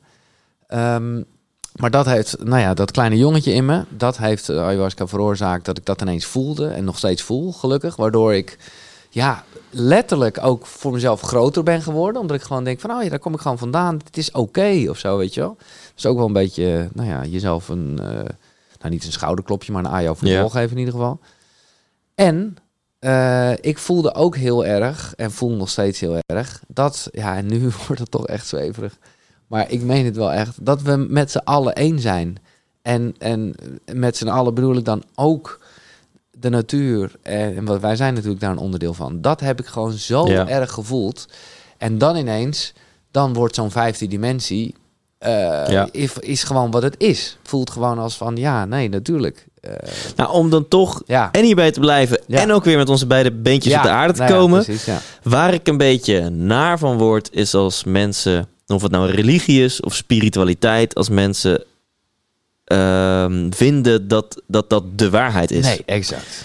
Exact. Of je nou, ik geloof je, als jij zegt, wow Thijs, ik zag hier net jouw moeder lopen. Ik zag hier de, Hmm. ik geloof dat jij dat ergens hebt geregistreerd. Ja. Maar dan zou het jou sieren als je nuchter genoeg bent om te zeggen van... hé, hey, ik heb dat echt gezien. Maar of dat nou werkelijk waar iets was wat hier plaatsvond en ik waarnam... of het was gewoon een psychose van mijn brein. Ja, Weet je wel? Dat, dat zou je dan sieren. Dat Ja, je denkt, hé, hey, het voelt voor mij als echt, maar ik ben realistisch. En hetzelfde geldt dus voor ehm. Nou, het feit dat... eh, en dat is ook antwoord dan op jouw vraag of ik spiritueler ben geworden. Ja, ik voel echt mijn moeder de aanwezigheid. Ik heb echt idee vanuit mijn hart alsof ik verbinding met haar maak. Mhm. En misschien wel meer dan in, in, in sommige tijden toen ze nog leefde. Ja. Ehm, ik ben me er hartstikke bewust van dat dat misschien is dat echt omdat haar energie er nog steeds is en haar ziel hangt hierboven en ik maak letterlijk gewoon verbinding met die energie met haar ziel. Of misschien als je doodgaat, poef, ben je gewoon weg, is het klaar. Ja. En ik denk nu dat ik verbinding met haar voel, maar dat is gewoon iets wat, wat ik creëer, maar wat er eigenlijk feitelijk helemaal niet is. Nee, maar dat is het dus wel. Ik bedoel, dat is geloof ik wel heel erg wat je gewoon, wat je bedenkt, dat is toch zo? Ik bedoel, als ik nu een heel lang betoog zou hebben over een citroen, eh, dan gaat bij iedereen water in zijn mond staan. Dus op dat moment, dus dat is, dus dat is gewoon echt. Dan denk je echt aan een citroen en die citroen Ja. zorgt ervoor dat er een reactie in je mond plaatst. Dus Ja, maar maak je dan verbinding gewoon met de herinneringen, her- herinneringen die je in je hart hebt? Of ben je echt natuurkundig? Ja, Als je een energiescan op mij nee, legt, zie je echt een, een, een, een- verbindenis Nee, tussen mij en de zielenwereld. En daar ben ik dan heel nuchter in. Ik voel dat en voor mij voelt het als echt. Maar ik weet, ja, misschien is dat inderdaad echt heel spiritueel. En we hebben nu echt contact met elkaar. Misschien is dat gewoon helemaal niet spiritueel. En is het gewoon mijn herinnering Ja. die voor mij gewoon voelt als Ja. echt. En, ehm, En ook dat laatste is goed, dus, dat- Ja. dat, is, dus dat maakt het uit. Nee, maar ik, ik ben het helemaal met je eens hoor. En ik, eh, ik denk als het gaat om, hè, soms eh, overlappen wij heel erg in gasten eh, die we de, hè, van onze podcast. En soms ook niet, in de zin van dat ik inderdaad, zeker op tijdloos, een, eh, een camping waar ik was, heel veel eh, dingen heb opgenomen. Bijvoorbeeld ook met een tuin en zo. Ja, ik vind het gewoon fascinerend, maar dat, het, is, het is niet nou ja, ik ben heel erg veranderd. eh, zeker sinds ik bij jou aan de podcast ben en echt naar buiten ben gekomen met Koekeroe. Want ik heb gewoon veel geleerd.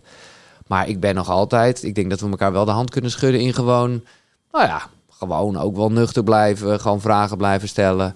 Maar wel gewoon super geïnteresseerd zijn. ja, En, en, en dingen zeker niet veroordelen. Eh, Ja, en dat is echt precies wat ik dus hoop ook te bereiken met, met mijn los van deze show, gewoon überhaupt met mijn theatercarrière. Die, die, ik ben pas 2,5 jaar bezig of zo Ja. om echt volle zalen te trekken als, als een soort van crossover tussen een seminar en een avond uit. Ja, nou dat is het. En echt, ik hoop dat nog super lang te doen. En, en dat, dat meer mensen. Want de mensen hebben gelijk. Ik snap de, de normale Hollander die denkt: yo, super zweverig. Of die denkt: wow, super Amerikaans. Ik snap die gemiddelde Nederlander. Mhm. Ehm, maar het is zonde dat er, dat er voor die mensen toch heel veel wijsheden aan hun neus voorbij gaan. Maar ja, jij weet er wel Ehm, echt en- er een Nederlandse versie van te maken. Ja. Want er zit een beetje, eh, gelukkig wat ik al eerder zei, wel even een beetje de Tony Robbins pep in. Maar wel op Nederlandse wijze. Eh, en er zit, ja, je maakt zelf, eh, nou ja, je maakt niks belachelijk. Maar je, je, ja, als het gaat om de spirituele dingen die je bent aangegaan de afgelopen tijd en hebt ervaren, dan zit er ook genoeg. Ja, ik weet niet of cynisme het goede woord is, maar in ieder geval humor. Om er gewoon ook een beetje de draak mee te steken. Ja. En, eh, en, en ja, ik denk, ja, ik vind dat zelf als bezoeker ook heel fijn. Eh, ja, het is, wat dat betreft is het echt voor, voor iedereen. Wat ik me wel even afvraag, nu jij dit zo zegt als hè, theatermaker, en dat Ja. is wat je bent. hoe was het eigenlijk? Want ik weet, ik, eh, ja, ik heb vaak met bands het gesprek over het altijd lastige tweede album. Die hebben, een, Mm. die hebben een debuutalbum gemaakt, daar zijn ze jaren mee Ja. bezig geweest. Dat lukt dan, hopelijk voor ze, lang niet altijd, maar goed, dat is dan gelukt. En dan komt het moment dat de platenmaatschappij natuurlijk zegt, en zij zelf ook voelen, oké, je tweede album. En dat is dan, ja, dat moet allemaal sneller, dat is, eh, Ja. er zijn verwachtingen. Eh, hoe is dat bij jou gegaan? Ja, want je kan inderdaad je hele leven lang doen over je eerste album. Ja. In mijn geval je eerste show. Ja, En, en, en ik denk dat ik daar ook letterlijk zes jaar over heb gedaan. Want de, de aller, allereerste try-out was in het najaar van 2014 wauw. voor vrienden en familie. Ja. Die ik bijna geld toelegde om in die zaal te gaan zitten. Van ja, hallo, ik heb een fucking droom en jij gaat, jij gaat kijken.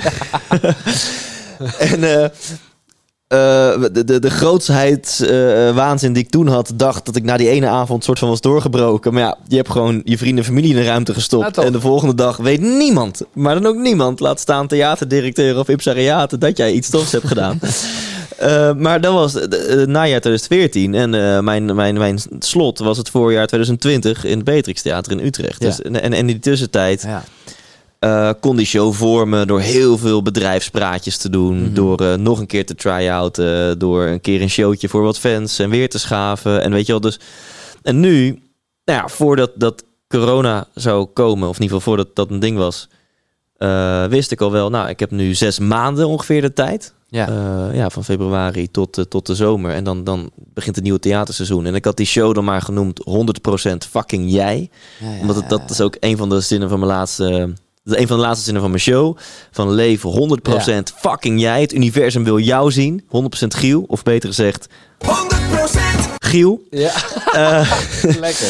Ehm, en ehm, wat wil ik zeggen? Nou ja, en- dus, en dat vond ik al best wel spannend. Wow, ik heb zes maanden de tijd. En nou ja, toen kwam corona. Thijs, eh, zet Ja. het maar uit je, uit je hoofd en uit je agenda. Het gaat niet door. Oké, eh, dan maar een boek gaan schrijven. En ehm, toen was het eh, juni of zo. hey Thijs, goed nieuws. In principe stabiliseren de maatregelen. De theaters mogen dit najaar gewoon open in anderhalf meter setting. Dat houdt wel in dat maar een kwart van de stoelen gebruikt mag worden. Maar goed nieuws, eh, omdat zoveel shows hebben gecanceld, ben jij overal geupgrade naar het weekend. Alleen bijna alleen maar vrijdag en zaterdag Ja. shows. En naar de grote zaal. Ja, wat ook wel vet is natuurlijk. Ja, en dat was mijn droom. Ik wilde in de grote zaal staan. Nou ja, ik had het iets anders voor me gezien. Maar ik sta nu dus overal in de grote zalen. Eh, maar ja, dat, dat bleek, eh, toen ik even terug ging rekenen, dat ik ja, eigenlijk 1 september moest die show af zijn. Om, om dan ook met technici de, de gelegenheid te geven om nog een lichtplan. En dat soort- dus ik denk, fuck, ik heb zes weken. Ja. En ehm, Dus misschien was het eigenlijk wel goed dat je... Je hebt niet eens tijd gehad om heel veel druk te voelen. Want eh, of althans, ja, je had gewoon geen tijd om, om, om eh, zenuwachtig... Je moest gewoon Het presteren. moest gewoon. En dan, en dan, dit is natuurlijk een hele lange aanloop in antwoord naar je vraag. Ja, ik vond het fucking spannend. En ja, die gedachte is een miljoen keer door mijn hoofd gegaan van... Ik hou er rekening mee dat het gewoon niet gaat lukken. Nee. Ik hou er rekening mee dat dit gewoon geen goede show gaat worden. Ehm, en dan om er iets praktisch aan te koppelen. Ik zat toen in de Ardennen met wat, wat gasten. Tony Loorbach ken je misschien ook wel. Ja, vanaan. Ja. En eh, die zei, eh, Thijs, ik, ik eh, wil je uitdagen om een zes weken challenge te doen. Ik zei, nou ja, ik heb geen keuze, want ik heb een zes weken challenge.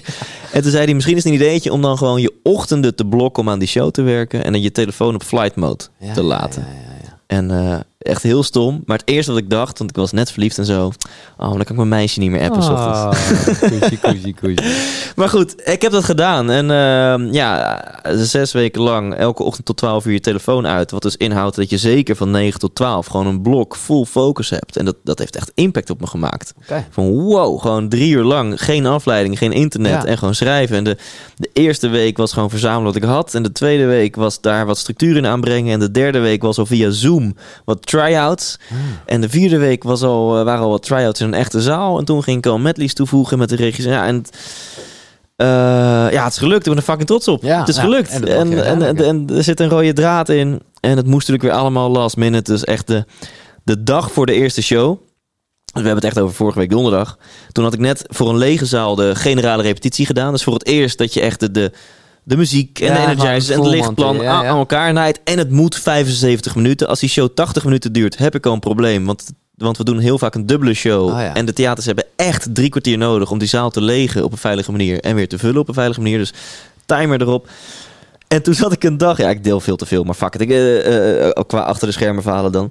En ik zat de dag van tevoren met mijn regisseur, die bij die generale repetitie eh, aanwezig was. En je zou denken dat je dan wat minimale aanpassingen hebt. Hè? Dat je Ja. zegt, hey Thijs, die ene zin zeg je, dit voelt voor mij zo, Precies. maar kan je misschien beter zeggen. Ja, wat betekent dit voor jou? Of wijs naar links in plaats van naar rechts. Of Ja. dat, en hij ging zo zitten, hij zei, Thijs, wat wil je eigenlijk vertellen met deze show? Oh, En, en dat was ook precies hoe het voor mij voelde. Ik zei, ja, ik, ik, ik weet het niet. En Oh. de verhalen voelen goed, maar hoe, we, hoe ik het aan elkaar... Ik weet het niet. Het- Dus het was best wel heftig om gewoon nog 24 uur Zo. voor de eerste show.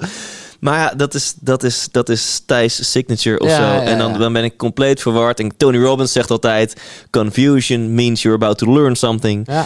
En ehm, frustration means you're about to have a breakthrough. Het zijn mooie reframes van onze vriend eh, Tony.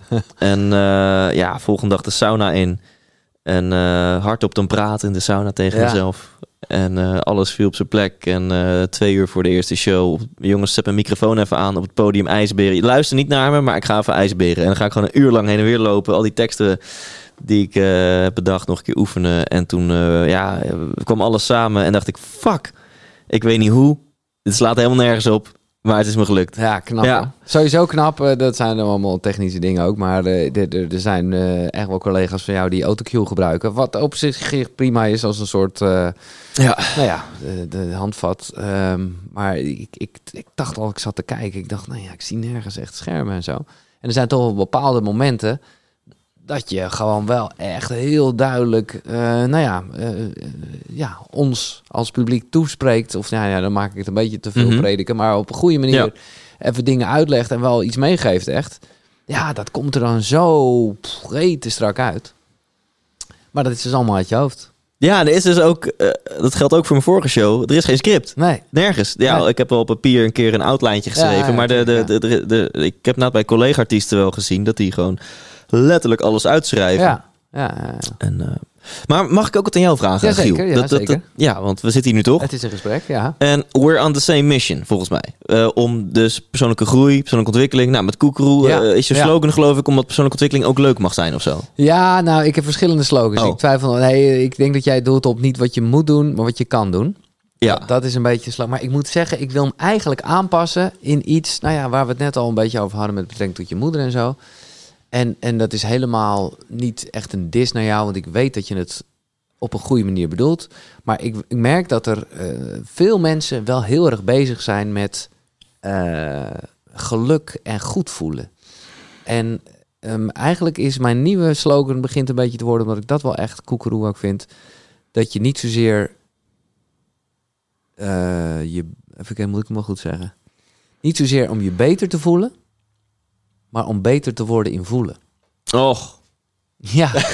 ja. Ja, en dat is. Ik heb een spiritueel stijfje nu. ja, eh, hè, ja, nee, maar dat is wel echt wat ik gewoon voor mezelf heel erg merk. En maar ik denk inderdaad, uiteraard eh, hebben we dezelfde missie. In de zin van, kijk, ik merk, maar dat blijkt dan toch anders te zitten. Ik, ik voelde altijd bij jou dat jij eigenlijk al aan de top stond.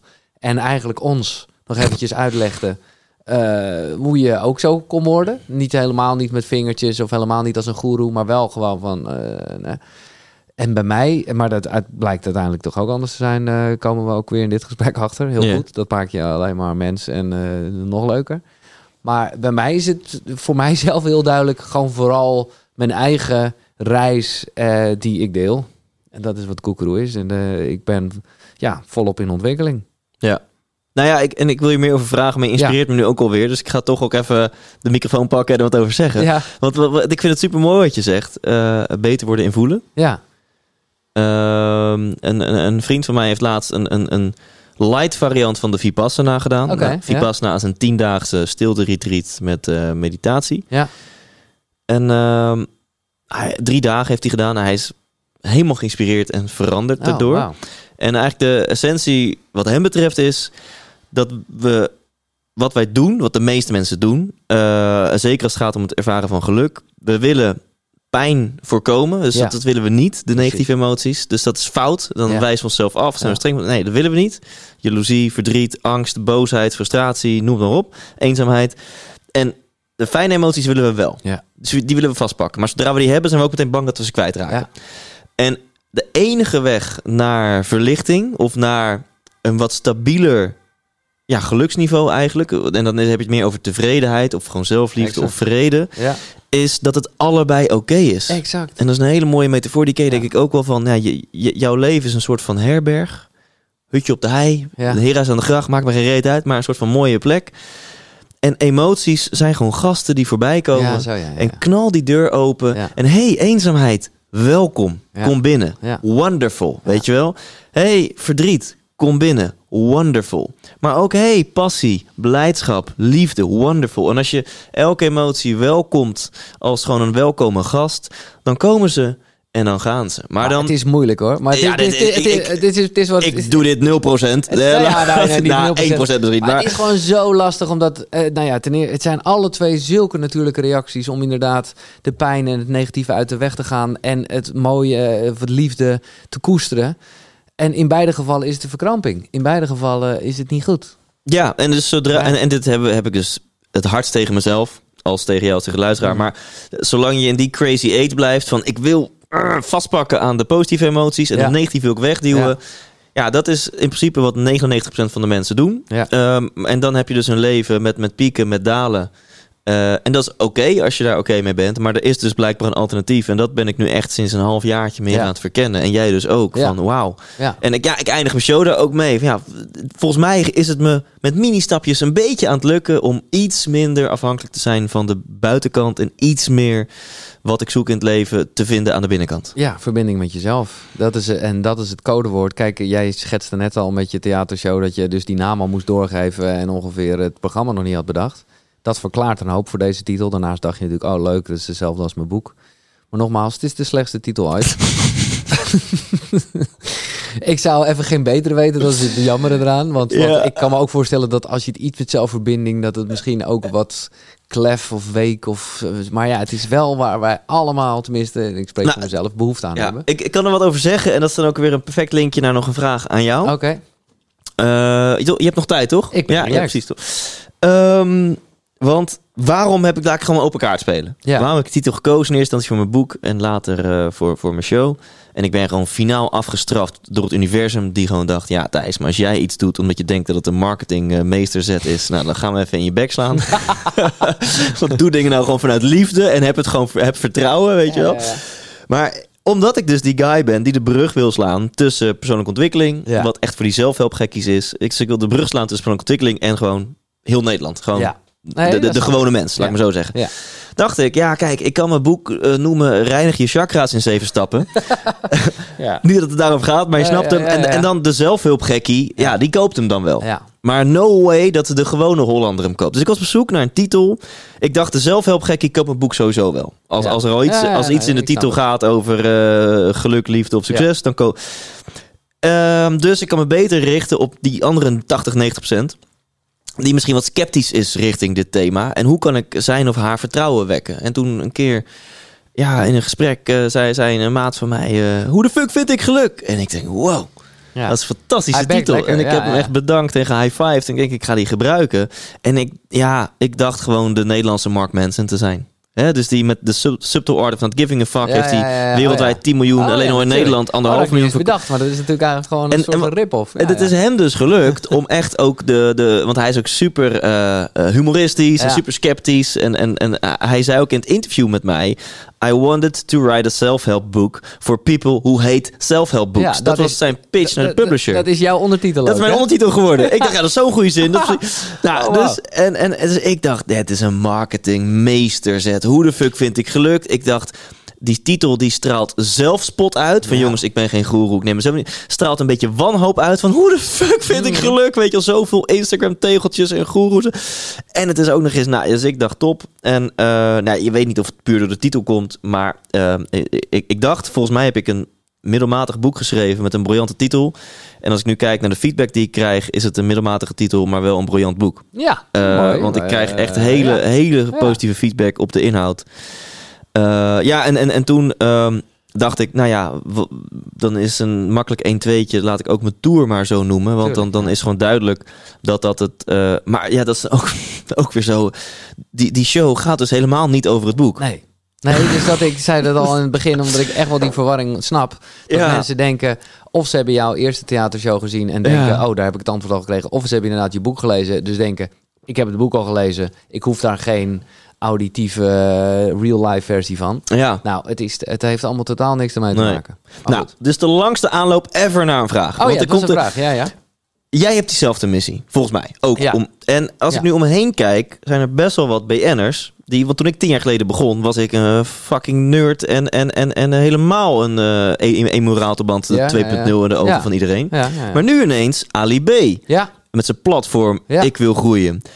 Eh, nou, jij dus met Koekeroe. ja, Eh, Kai Gorgels, eh, die Oh, ja. heeft ook een heel platform Ja. met Mind Over Matter of zo. ja. Boef heeft met Vasco. Rauw een, een platform over de miljonairs Nou, mindset. Boef is wel even, want je noemt hem nu het laatste in het rijtje. Ik vind hem by far de koning. die echt, ook in aantallen, maar, maar ook gewoon in wat hij doet. Ik ben ervan overtuigd dat er, en dat voelt dan een beetje zakelijk alsof het alleen maar om geld gaat. En dat is zeker niet waar zijn, want ik ben van allemaal lid. Hè. Ik ben gewoon zo'n nerd, ik vind dat interessant. Maar ik, ik denk, weet zeker dat er, eh, nou ja, in ieder geval heel veel mensen succesvol gaan zijn. En die over 10, 15, 20 jaar zeggen... ja, nou eigenlijk is de basis geweest Wauw. dat, eh, dat ding van Boef. Ja, echt. Cool. De, Miljonairsclub. Ja. het, het voelt ook wel alleen door de naam. Maar dat is misschien ook wel juist goed. Het voelt allemaal heel erg alsof het over geld gaat. Maar het gaat veel meer over, nou ja, waar Think and Grow Rich ook over gaat. Over een rijkdom van het leven. En heel erg over mindset. Ja. Echt even props voor hem eh, wat hij eh, doet. ja, tof. Ja. Maar goed, Ja, was de vraag. dan de vraag. Ehm, jij bereikt met jouw radioshow veel meer mensen Ja, dan met, een, eh, met de podcast. En Ja. Ik weet uit ervaring, podcast is select, eh, veel kwalitatiever. Hè, Ja. Want mensen luisteren Nou, echt intens en zo. Maar ja, om, omdat we're all on the same mission. En, en ja, durf jij het aan om, om nu dan bij Radio 2... om, om ook meer van de koekeroegiel daar te laten zien? Om, om ook, want daar bereik je de gewone mens mee. Eh, durf je dat? Nou ja, durven is niet echt de vraag. Of het ook gaat gebeuren is meer de vraag. Eh, want ik maak gewoon wel het liefst een goed radioprogramma. en net zoals ik dat een goede podcast wil maken. Dus het, je moet ook, bedoel, ik kan het sowieso doen. Maar je moet je wel afvragen of het ook effect heeft. En of het ook, eh, ja, wat, ja. Dus, ik weet het nog niet zo goed. Ik ben echt net pas begonnen bij Radio 2. Ik zit daar van 4 tot 6 ochtends voor de duidelijkheid. Nou, dat is niet in de basis de tijd waarbij, eventjes heel stereotyp gezegd, de mensen die wakker zijn, nou heel erg daarmee bezig zijn. Aan de andere kant, ik ben gewoon wie ik ben. Ik ben niet een of andere rol aan het spelen, in beide Nee. gevallen niet. Nee. Dus natuurlijk zal het zijn weerslag hebben. Want eh, ja, wat ik zeg, dat is gewoon wie ik ben. En ik merk nu al een beetje, bijvoorbeeld met eh, slaap. Eh, nou, dat is ook wel een onderwerp wat, wat we in Koekeroe te sprake komt. Ja, dat is natuurlijk iets wat heel erg tussen 4 en 6 ook besproken kan worden. Wat wel besproken gaat worden. Al is het alleen maar vanwege mijn eigen ervaringen. En ook wel experts. eh nou ja, je hebt Floris in je podcast gehad. Eh, die en ik heb nog een andere dame is op mijn pad gekomen. Alice, ook een soort slaapexpert. Die, nou, die ga ik ook wel tussen 4 en 6 ochtends in de radio erbij trekken. Maar ik weet niet of de term mediteren snel zal vallen. En dat is niet omdat ik me ervoor schaam of te bang voor ben, maar het zijn voor mezelf nu in ieder geval nog best wel gescheiden werelden. Waarbij de radio heel erg gaat over de interactie. Hè? Dat wat een podcast niet heeft. Want dat is, nou ja, wij zitten hier met z'n tweeën en we zenden het vooral naar de wereld toe. Radio is natuurlijk het leuke dat het echt wissel, een wisselwerking heeft. Dus dat is ook precies waar die show om gaat. Waarom ik heel blij ben dat ik in de ochtend zit. Of in de vroege ochtend. Gewoon bam, bam, bam, heel veel bellen en live interaction. Terwijl de podcast veel meer, Ja. ja, een beetje interactie omdat het bij mij ook publiek is. Maar voornamelijk gewoon een, een goed gesprek. Eh, dus ja, ik weet het gewoon niet. Dat is eigenlijk het antwoord op je vraag. Ik hoop het wel, maar ik ga het ook niet zo geforceerd doen dat Nee. mensen hoofdschuddend denken: je, je bent nu echt doorgeslagen Nee. en we zitten hier niet op te wachten. Want dat, ja, dan zou het gewoon geen goede radio zijn en dan zou ik mijn missie Nee. ook helemaal niet. eh, Nee, maar ik hoor hier ook heel veel aannames in. Hè? Dat mensen niet zitten te wachten en Nee, een tijdstip en bla bla bla. Maar is er niet maar één manier om erachter te komen? Tuurlijk, dat is ook zo. En ik moet zeggen, nee, ik heb echt net mijn eerste week gehad. Het is, eh, het is eigenlijk al meer erover gegaan dan ik zelf had bedacht. Oh, Oké. Ehm, maar het is wel wat anders om ook daadwerkelijk eh, gasten uit te nodigen of zo. Weet je, zo Ja. bedoel ik het meer te zeggen. Dat, is, dat zou gewoon gek zijn. En Dat is, dat is ook gewoon niet wat radio is. Ik bedoel, radio is toch gewoon muziek met wat ongein eh, er tussendoor, even plat gezegd. Ja. Dus ja, en, wat ik wel vind, maar dat, is, dat heeft hier niet zoveel mee te maken, maar omdat jij het zo schetst als je maakt al jarenlang radio en nu, nou ja, laat ik eerlijk zeggen, Koekeroe begint pas de laatste weken, maanden een beetje te lopen. Het is ongelooflijk wat voor een feedback dat geeft. Want Ja. ja, natuurlijk heb ik ook wel vaak feedback, feedback gehad over de miljoenen, om het maar even heel bij de hand te zeggen, die ik aansprak met mijn radioprogramma. Maar ja, dat zijn dan gewoon sms'jes, appjes, korte mailtjes. Gewoon meer. Dat optreden was gaaf, dat gesprek was leuk. En echt, dat heeft me echt vaak heel veel geraakt. Ook negativiteit trouwens. Maar dit, ook vanwege het onderwerp, is zo intens, jongen. Dat zijn lange mails. Eh, ik zit meer dan ooit echt mailtjes te beantwoorden. Daar ook bij de radio gewoon wel vaak dacht... ah, leuk, thanks voor het compliment. En misschien heb Mhm. ik dat soms wel of niet terug. Maar nu is het echt, ja, nu moet ik wel terugmailen. Want mensen gooien hun hele ziel en zaligheid op tafel. Omdat het gewoon zo gaat over het leven. Dus het is voor mij... Veel, ja, het, is, het, is, het is voor mij in, in dat opzicht het heftigste wat ik ooit gedaan heb. Positief hoor, voor de duidelijkheid. Ja.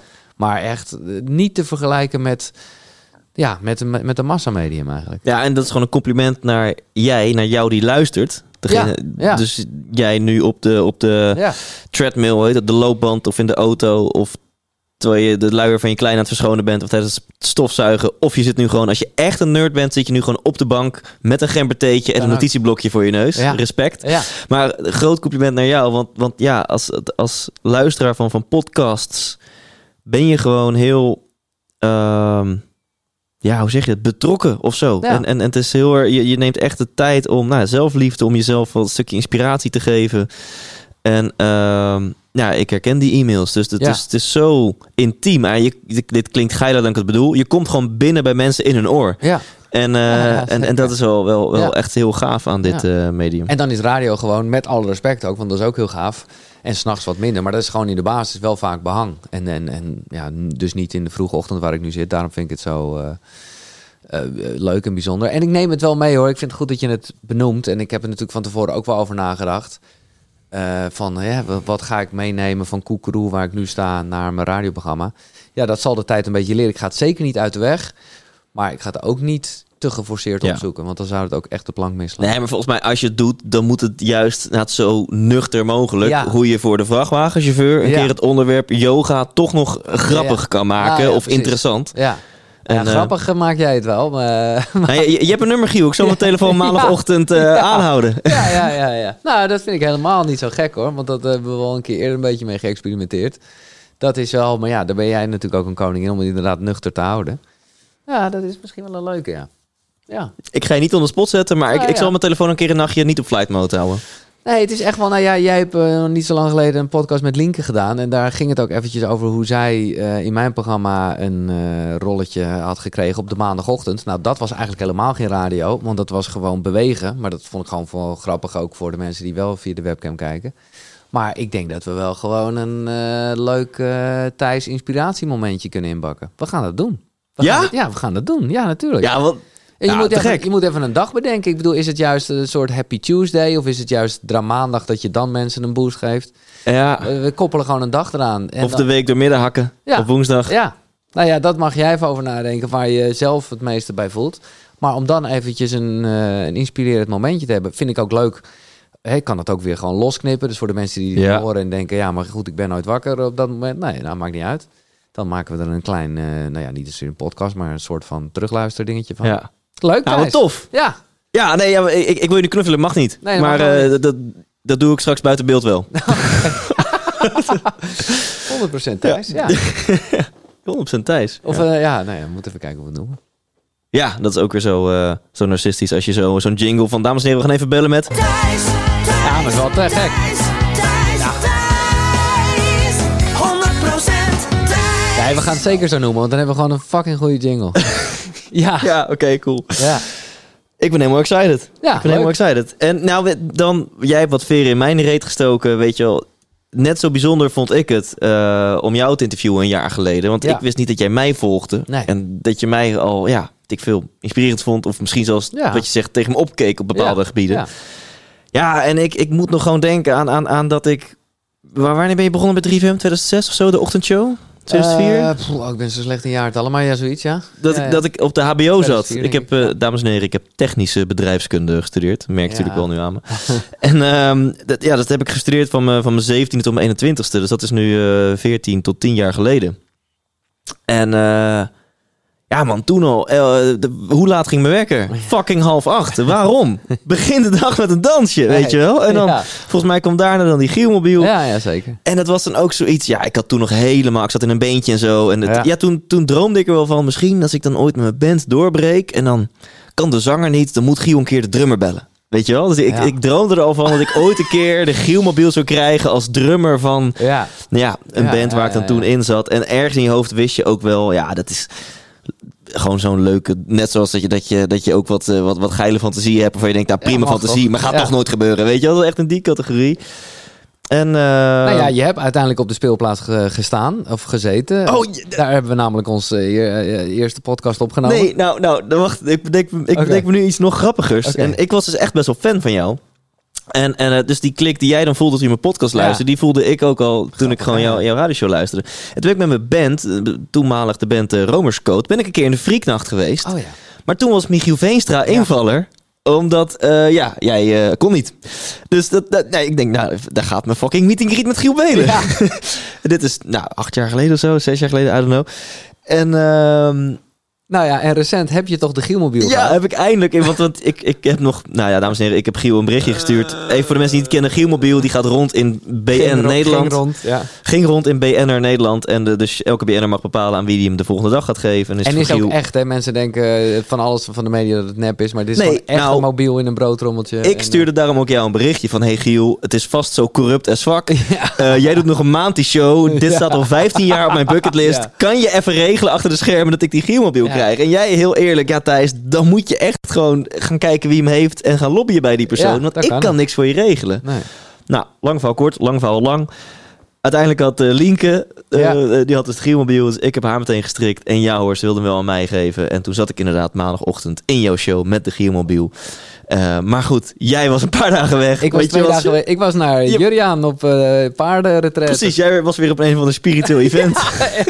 dus het was leuk. Maar ja, ik had, ik had eh, Martijn eh, aan de lijn in plaats van eh, jou. En, eh, dus eh, ja, ja, eh, Ja, maar ja, waar, waar we ook naartoe lullen. Ik, eh, Je hebt hem gehad in ieder geval. Ik heb hem gehad en eh, ook voor mij gewoon bijzonder dat, dat we elkaar voor een jaar geleden voor het eerst hebben ontmoet. En nu gewoon een, een, ja, een vriendschap aan het ontwikkelen zijn. Ik vind dat heel mooi. Ja, ik, wederzijds. En ik, eh, nou ja, ik ga nogmaals eh, echt even de props geven voor eh, je show die je gedaan hebt. Want het is eventjes een stukje, eh, nou ja, gewoon zoals theater hoort te zijn. Hè? Dus je bent gewoon even lekker eruit. Eh, en het is, nou ja, het is, het is nou ja, wat ik al eerder zei, gewoon toch even dat je die beweging wel hebt. En dat je in vergelijking met andere shows ook eventjes in dat opzicht zelf wat meemaakt. Ja, en dat kan ik nu wel zeggen, de day after en ook eh, ja, waar we het net allemaal over hadden. Het, het heeft mij echt wel weer echt inspiratie gegeven over een aantal dingen. Eh, nou ja, nou zal het per persoon verschillen wat dan raakt of wat je meeneemt. Maar ja, bedankt daar weer voor. Ja, Ja. ik bedoel, Met- voor, nou, met ik- liefde. Jij weet nog, daar ben ben ik ook wel eens eerlijk in geweest. Na, mijn, eh, na jouw vorige theatershow heb ik, eh, heb ik mijn baan opgezegd. Ja, ja, zo nou, dit is wel heel gaaf dat je dit nog eventjes Ja, deelt aan het einde van deze Dat is- dat- episode. Dat, is echt zo Eh. Even, even dan voor mensen die nu zeg maar eh, hun broodtrommel door de, door de autocabine laten vliegen. Omdat ze denken, wat zegt Giel nu? Ja. Kan je dit toelichten? Ja, nou, het, het is dan januari geweest dat ik naar jouw theatershow ben gegaan. En eh, het was niet, ik bedoel, het was wel al dat de gedachte bij mij speelde van, god, doe ik nou eigenlijk wel waar ik gelukkig van eh, word? En, en, dus ik twijfelde al wel degelijk een beetje. Maar door jouw eerste theatershow kreeg ik zo'n goede spirit van, ja, maar je moet gewoon nu doen wat goed voor je is. Volg je hart. Eh, ik weet niet meer precies de woorden die jij daarvoor gebruikte, maar dat was in ieder geval de vibe. En ik voelde aan alles, ja, maar dit heb ik nodig gehad. Ik heb zelfs nog eventjes in de auto eh, met, met, met mijn camera dat moment eh, vastgelegd van oké, ik ga mijn baan opzeggen. En ik ben twee dagen later, heb ik, eh, eigenlijk de volgende dag, heb ik een gesprek aangevraagd met de twee bazen. En ik heb twee dagen later mijn baan opgezegd. Ja. En dat was echt zo bevrijdend, omdat ik ineens echt dacht, ja, volg gewoon je gevoel. En, en, en, en toen was er helemaal nog geen sprake van iets anders. Maar ik wist gewoon wel van dit eigenlijk sowieso niet. Eerlijkheid gebied ook te zeggen dat toen corona kwam en ik wat lafjes toch dacht, ja, ja, jezus, ga ik dan echt nu stoppen en eh, wat ga ik dan eigenlijk doen? Het is het slechtste moment om zonder werk te zitten. Dus toen heb ik uiteindelijk wel gezegd, eh, want ik was heel erg druk aan het uitoefenen. Ik zei, nou, ik wil wel stoppen, maar ik zit gewoon mijn contract uit, want zij wilde eh, graag door, maar dat, dat heb ik dus niet gedaan. Maar ja, het is niet. Ik zit even te denken of jij nu eh, over nu een ander zaadje is geplant met, echt, met echt direct een. eh, nee, maar er is wel degelijk een zaadje geplant, maar niet. Oké. niet eh, Je, je, je valt nog steeds op vrouwen. ja, precies. Eh, ja, precies. Ja, het is, ja, ja, dat zou het zijn. Eh, nee, maar het is. eh, en, en, en inmiddels ja, leer ik zeg maar wekelijks door gesprekken met mensen en boeken die ik lees, weet ik wat, heel veel. Maar dit toch ook wel, juist omdat het een real-life ervaring is. En dat maakt het toch altijd anders dan iets lezen. Dat eh, heb ik gisteren weer gemerkt. Eh, dus ja, het klinkt allemaal heel klef nu we zo tegenover elkaar allerlei eh, pauwen aan het eh, inbrengen zijn. Want veren zijn het al lang niet meer. Maar kom dat zien mensen, kom dat zien. Ga echt naar een theater bij jou in de buurt. Ja, en houd ik hier eventjes wat damage Oh. control moet doen op de computer. Maar we hebben een backup, dames en heren, dus dit hoor je gewoon. Ehm, ja, ik vond dat, dat, dat, dat, dat filmpje heb je zelfs ook mij laten zien. Ja. En ik vond het heel intens, want ja, jij had dus net mijn show gezien, 4 januari in Helmond. Ja, En we hadden daarna nog even gehighfived. ja, Eh toen ben je in je auto gaan zitten en toen heb je een, een selfie-video opgenomen, gewoon voor jezelf. ja. En eh, die heb je later aan mij laten zien. Ja. Je hebt zelfs gefilmd dat ik het filmpje Ja, zie. Dus wie weet dat die ooit nog een keer eh, op de interwebs... Misschien doe ik er wel iets mee, maar ik vond het vooral mooi om ook dat vast te leggen. Ja. En, en, maar ja, daarin zeg je dus tegen jezelf... Nou, net bij de inspiratieshow van Thijs Lindhout geweest. En, en dan haal je echt, echt een paar keer diep adem. Terwijl je hebt het tegen jezelf. Je zit niet op Insta Nee. Live of zo. Het is niet een RTL Boulevard.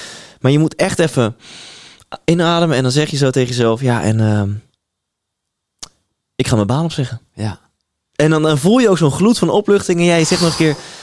Ik ga mijn baan gaan opzeggen. Ja. En daarna is het filmpje ook vrij snel klaar. Van ja, ja, ja nou, dit is het, weet je wel. Ja. En, Zo zeker. De, nogmaals, het was, het, was, het was vooral echt een zetje wat ik nodig had. Maar dat is, nou ja, zoals, eh, ja, zoals shows, shows en andere Ja. inspirerende dingen kunnen werken. Gewoon echt.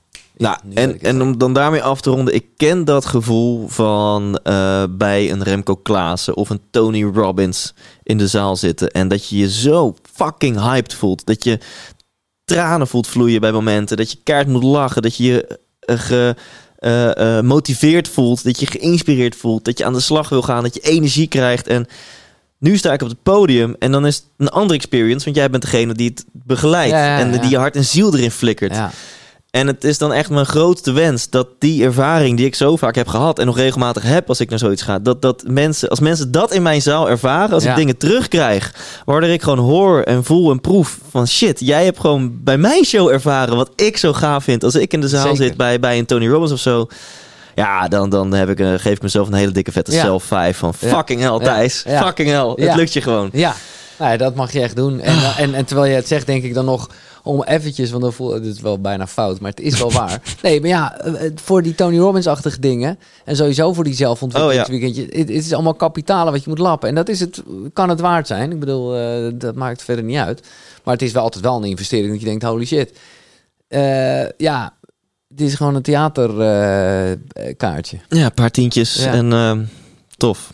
Ja, dat, tot slot, eh, ja, moet ik dat aan jou vragen? De- de- Wat? heb, heb, je, heb je nog een, een, een laatste wijsheid voordat we Nee, dat, ik live nee, nee, nee, nee. Dat is, eh, be- bedankt eh, dat je eventjes de regie aan mij teruggeeft. want ik interview jou hier. Dus nee, ik, ik mag de vraag aan jou stellen, ja. Thijs, heb jij nog een laatste wijsheid of ben ik iets vergeten te vragen? Ja. Nou ja, dan, dan, dan...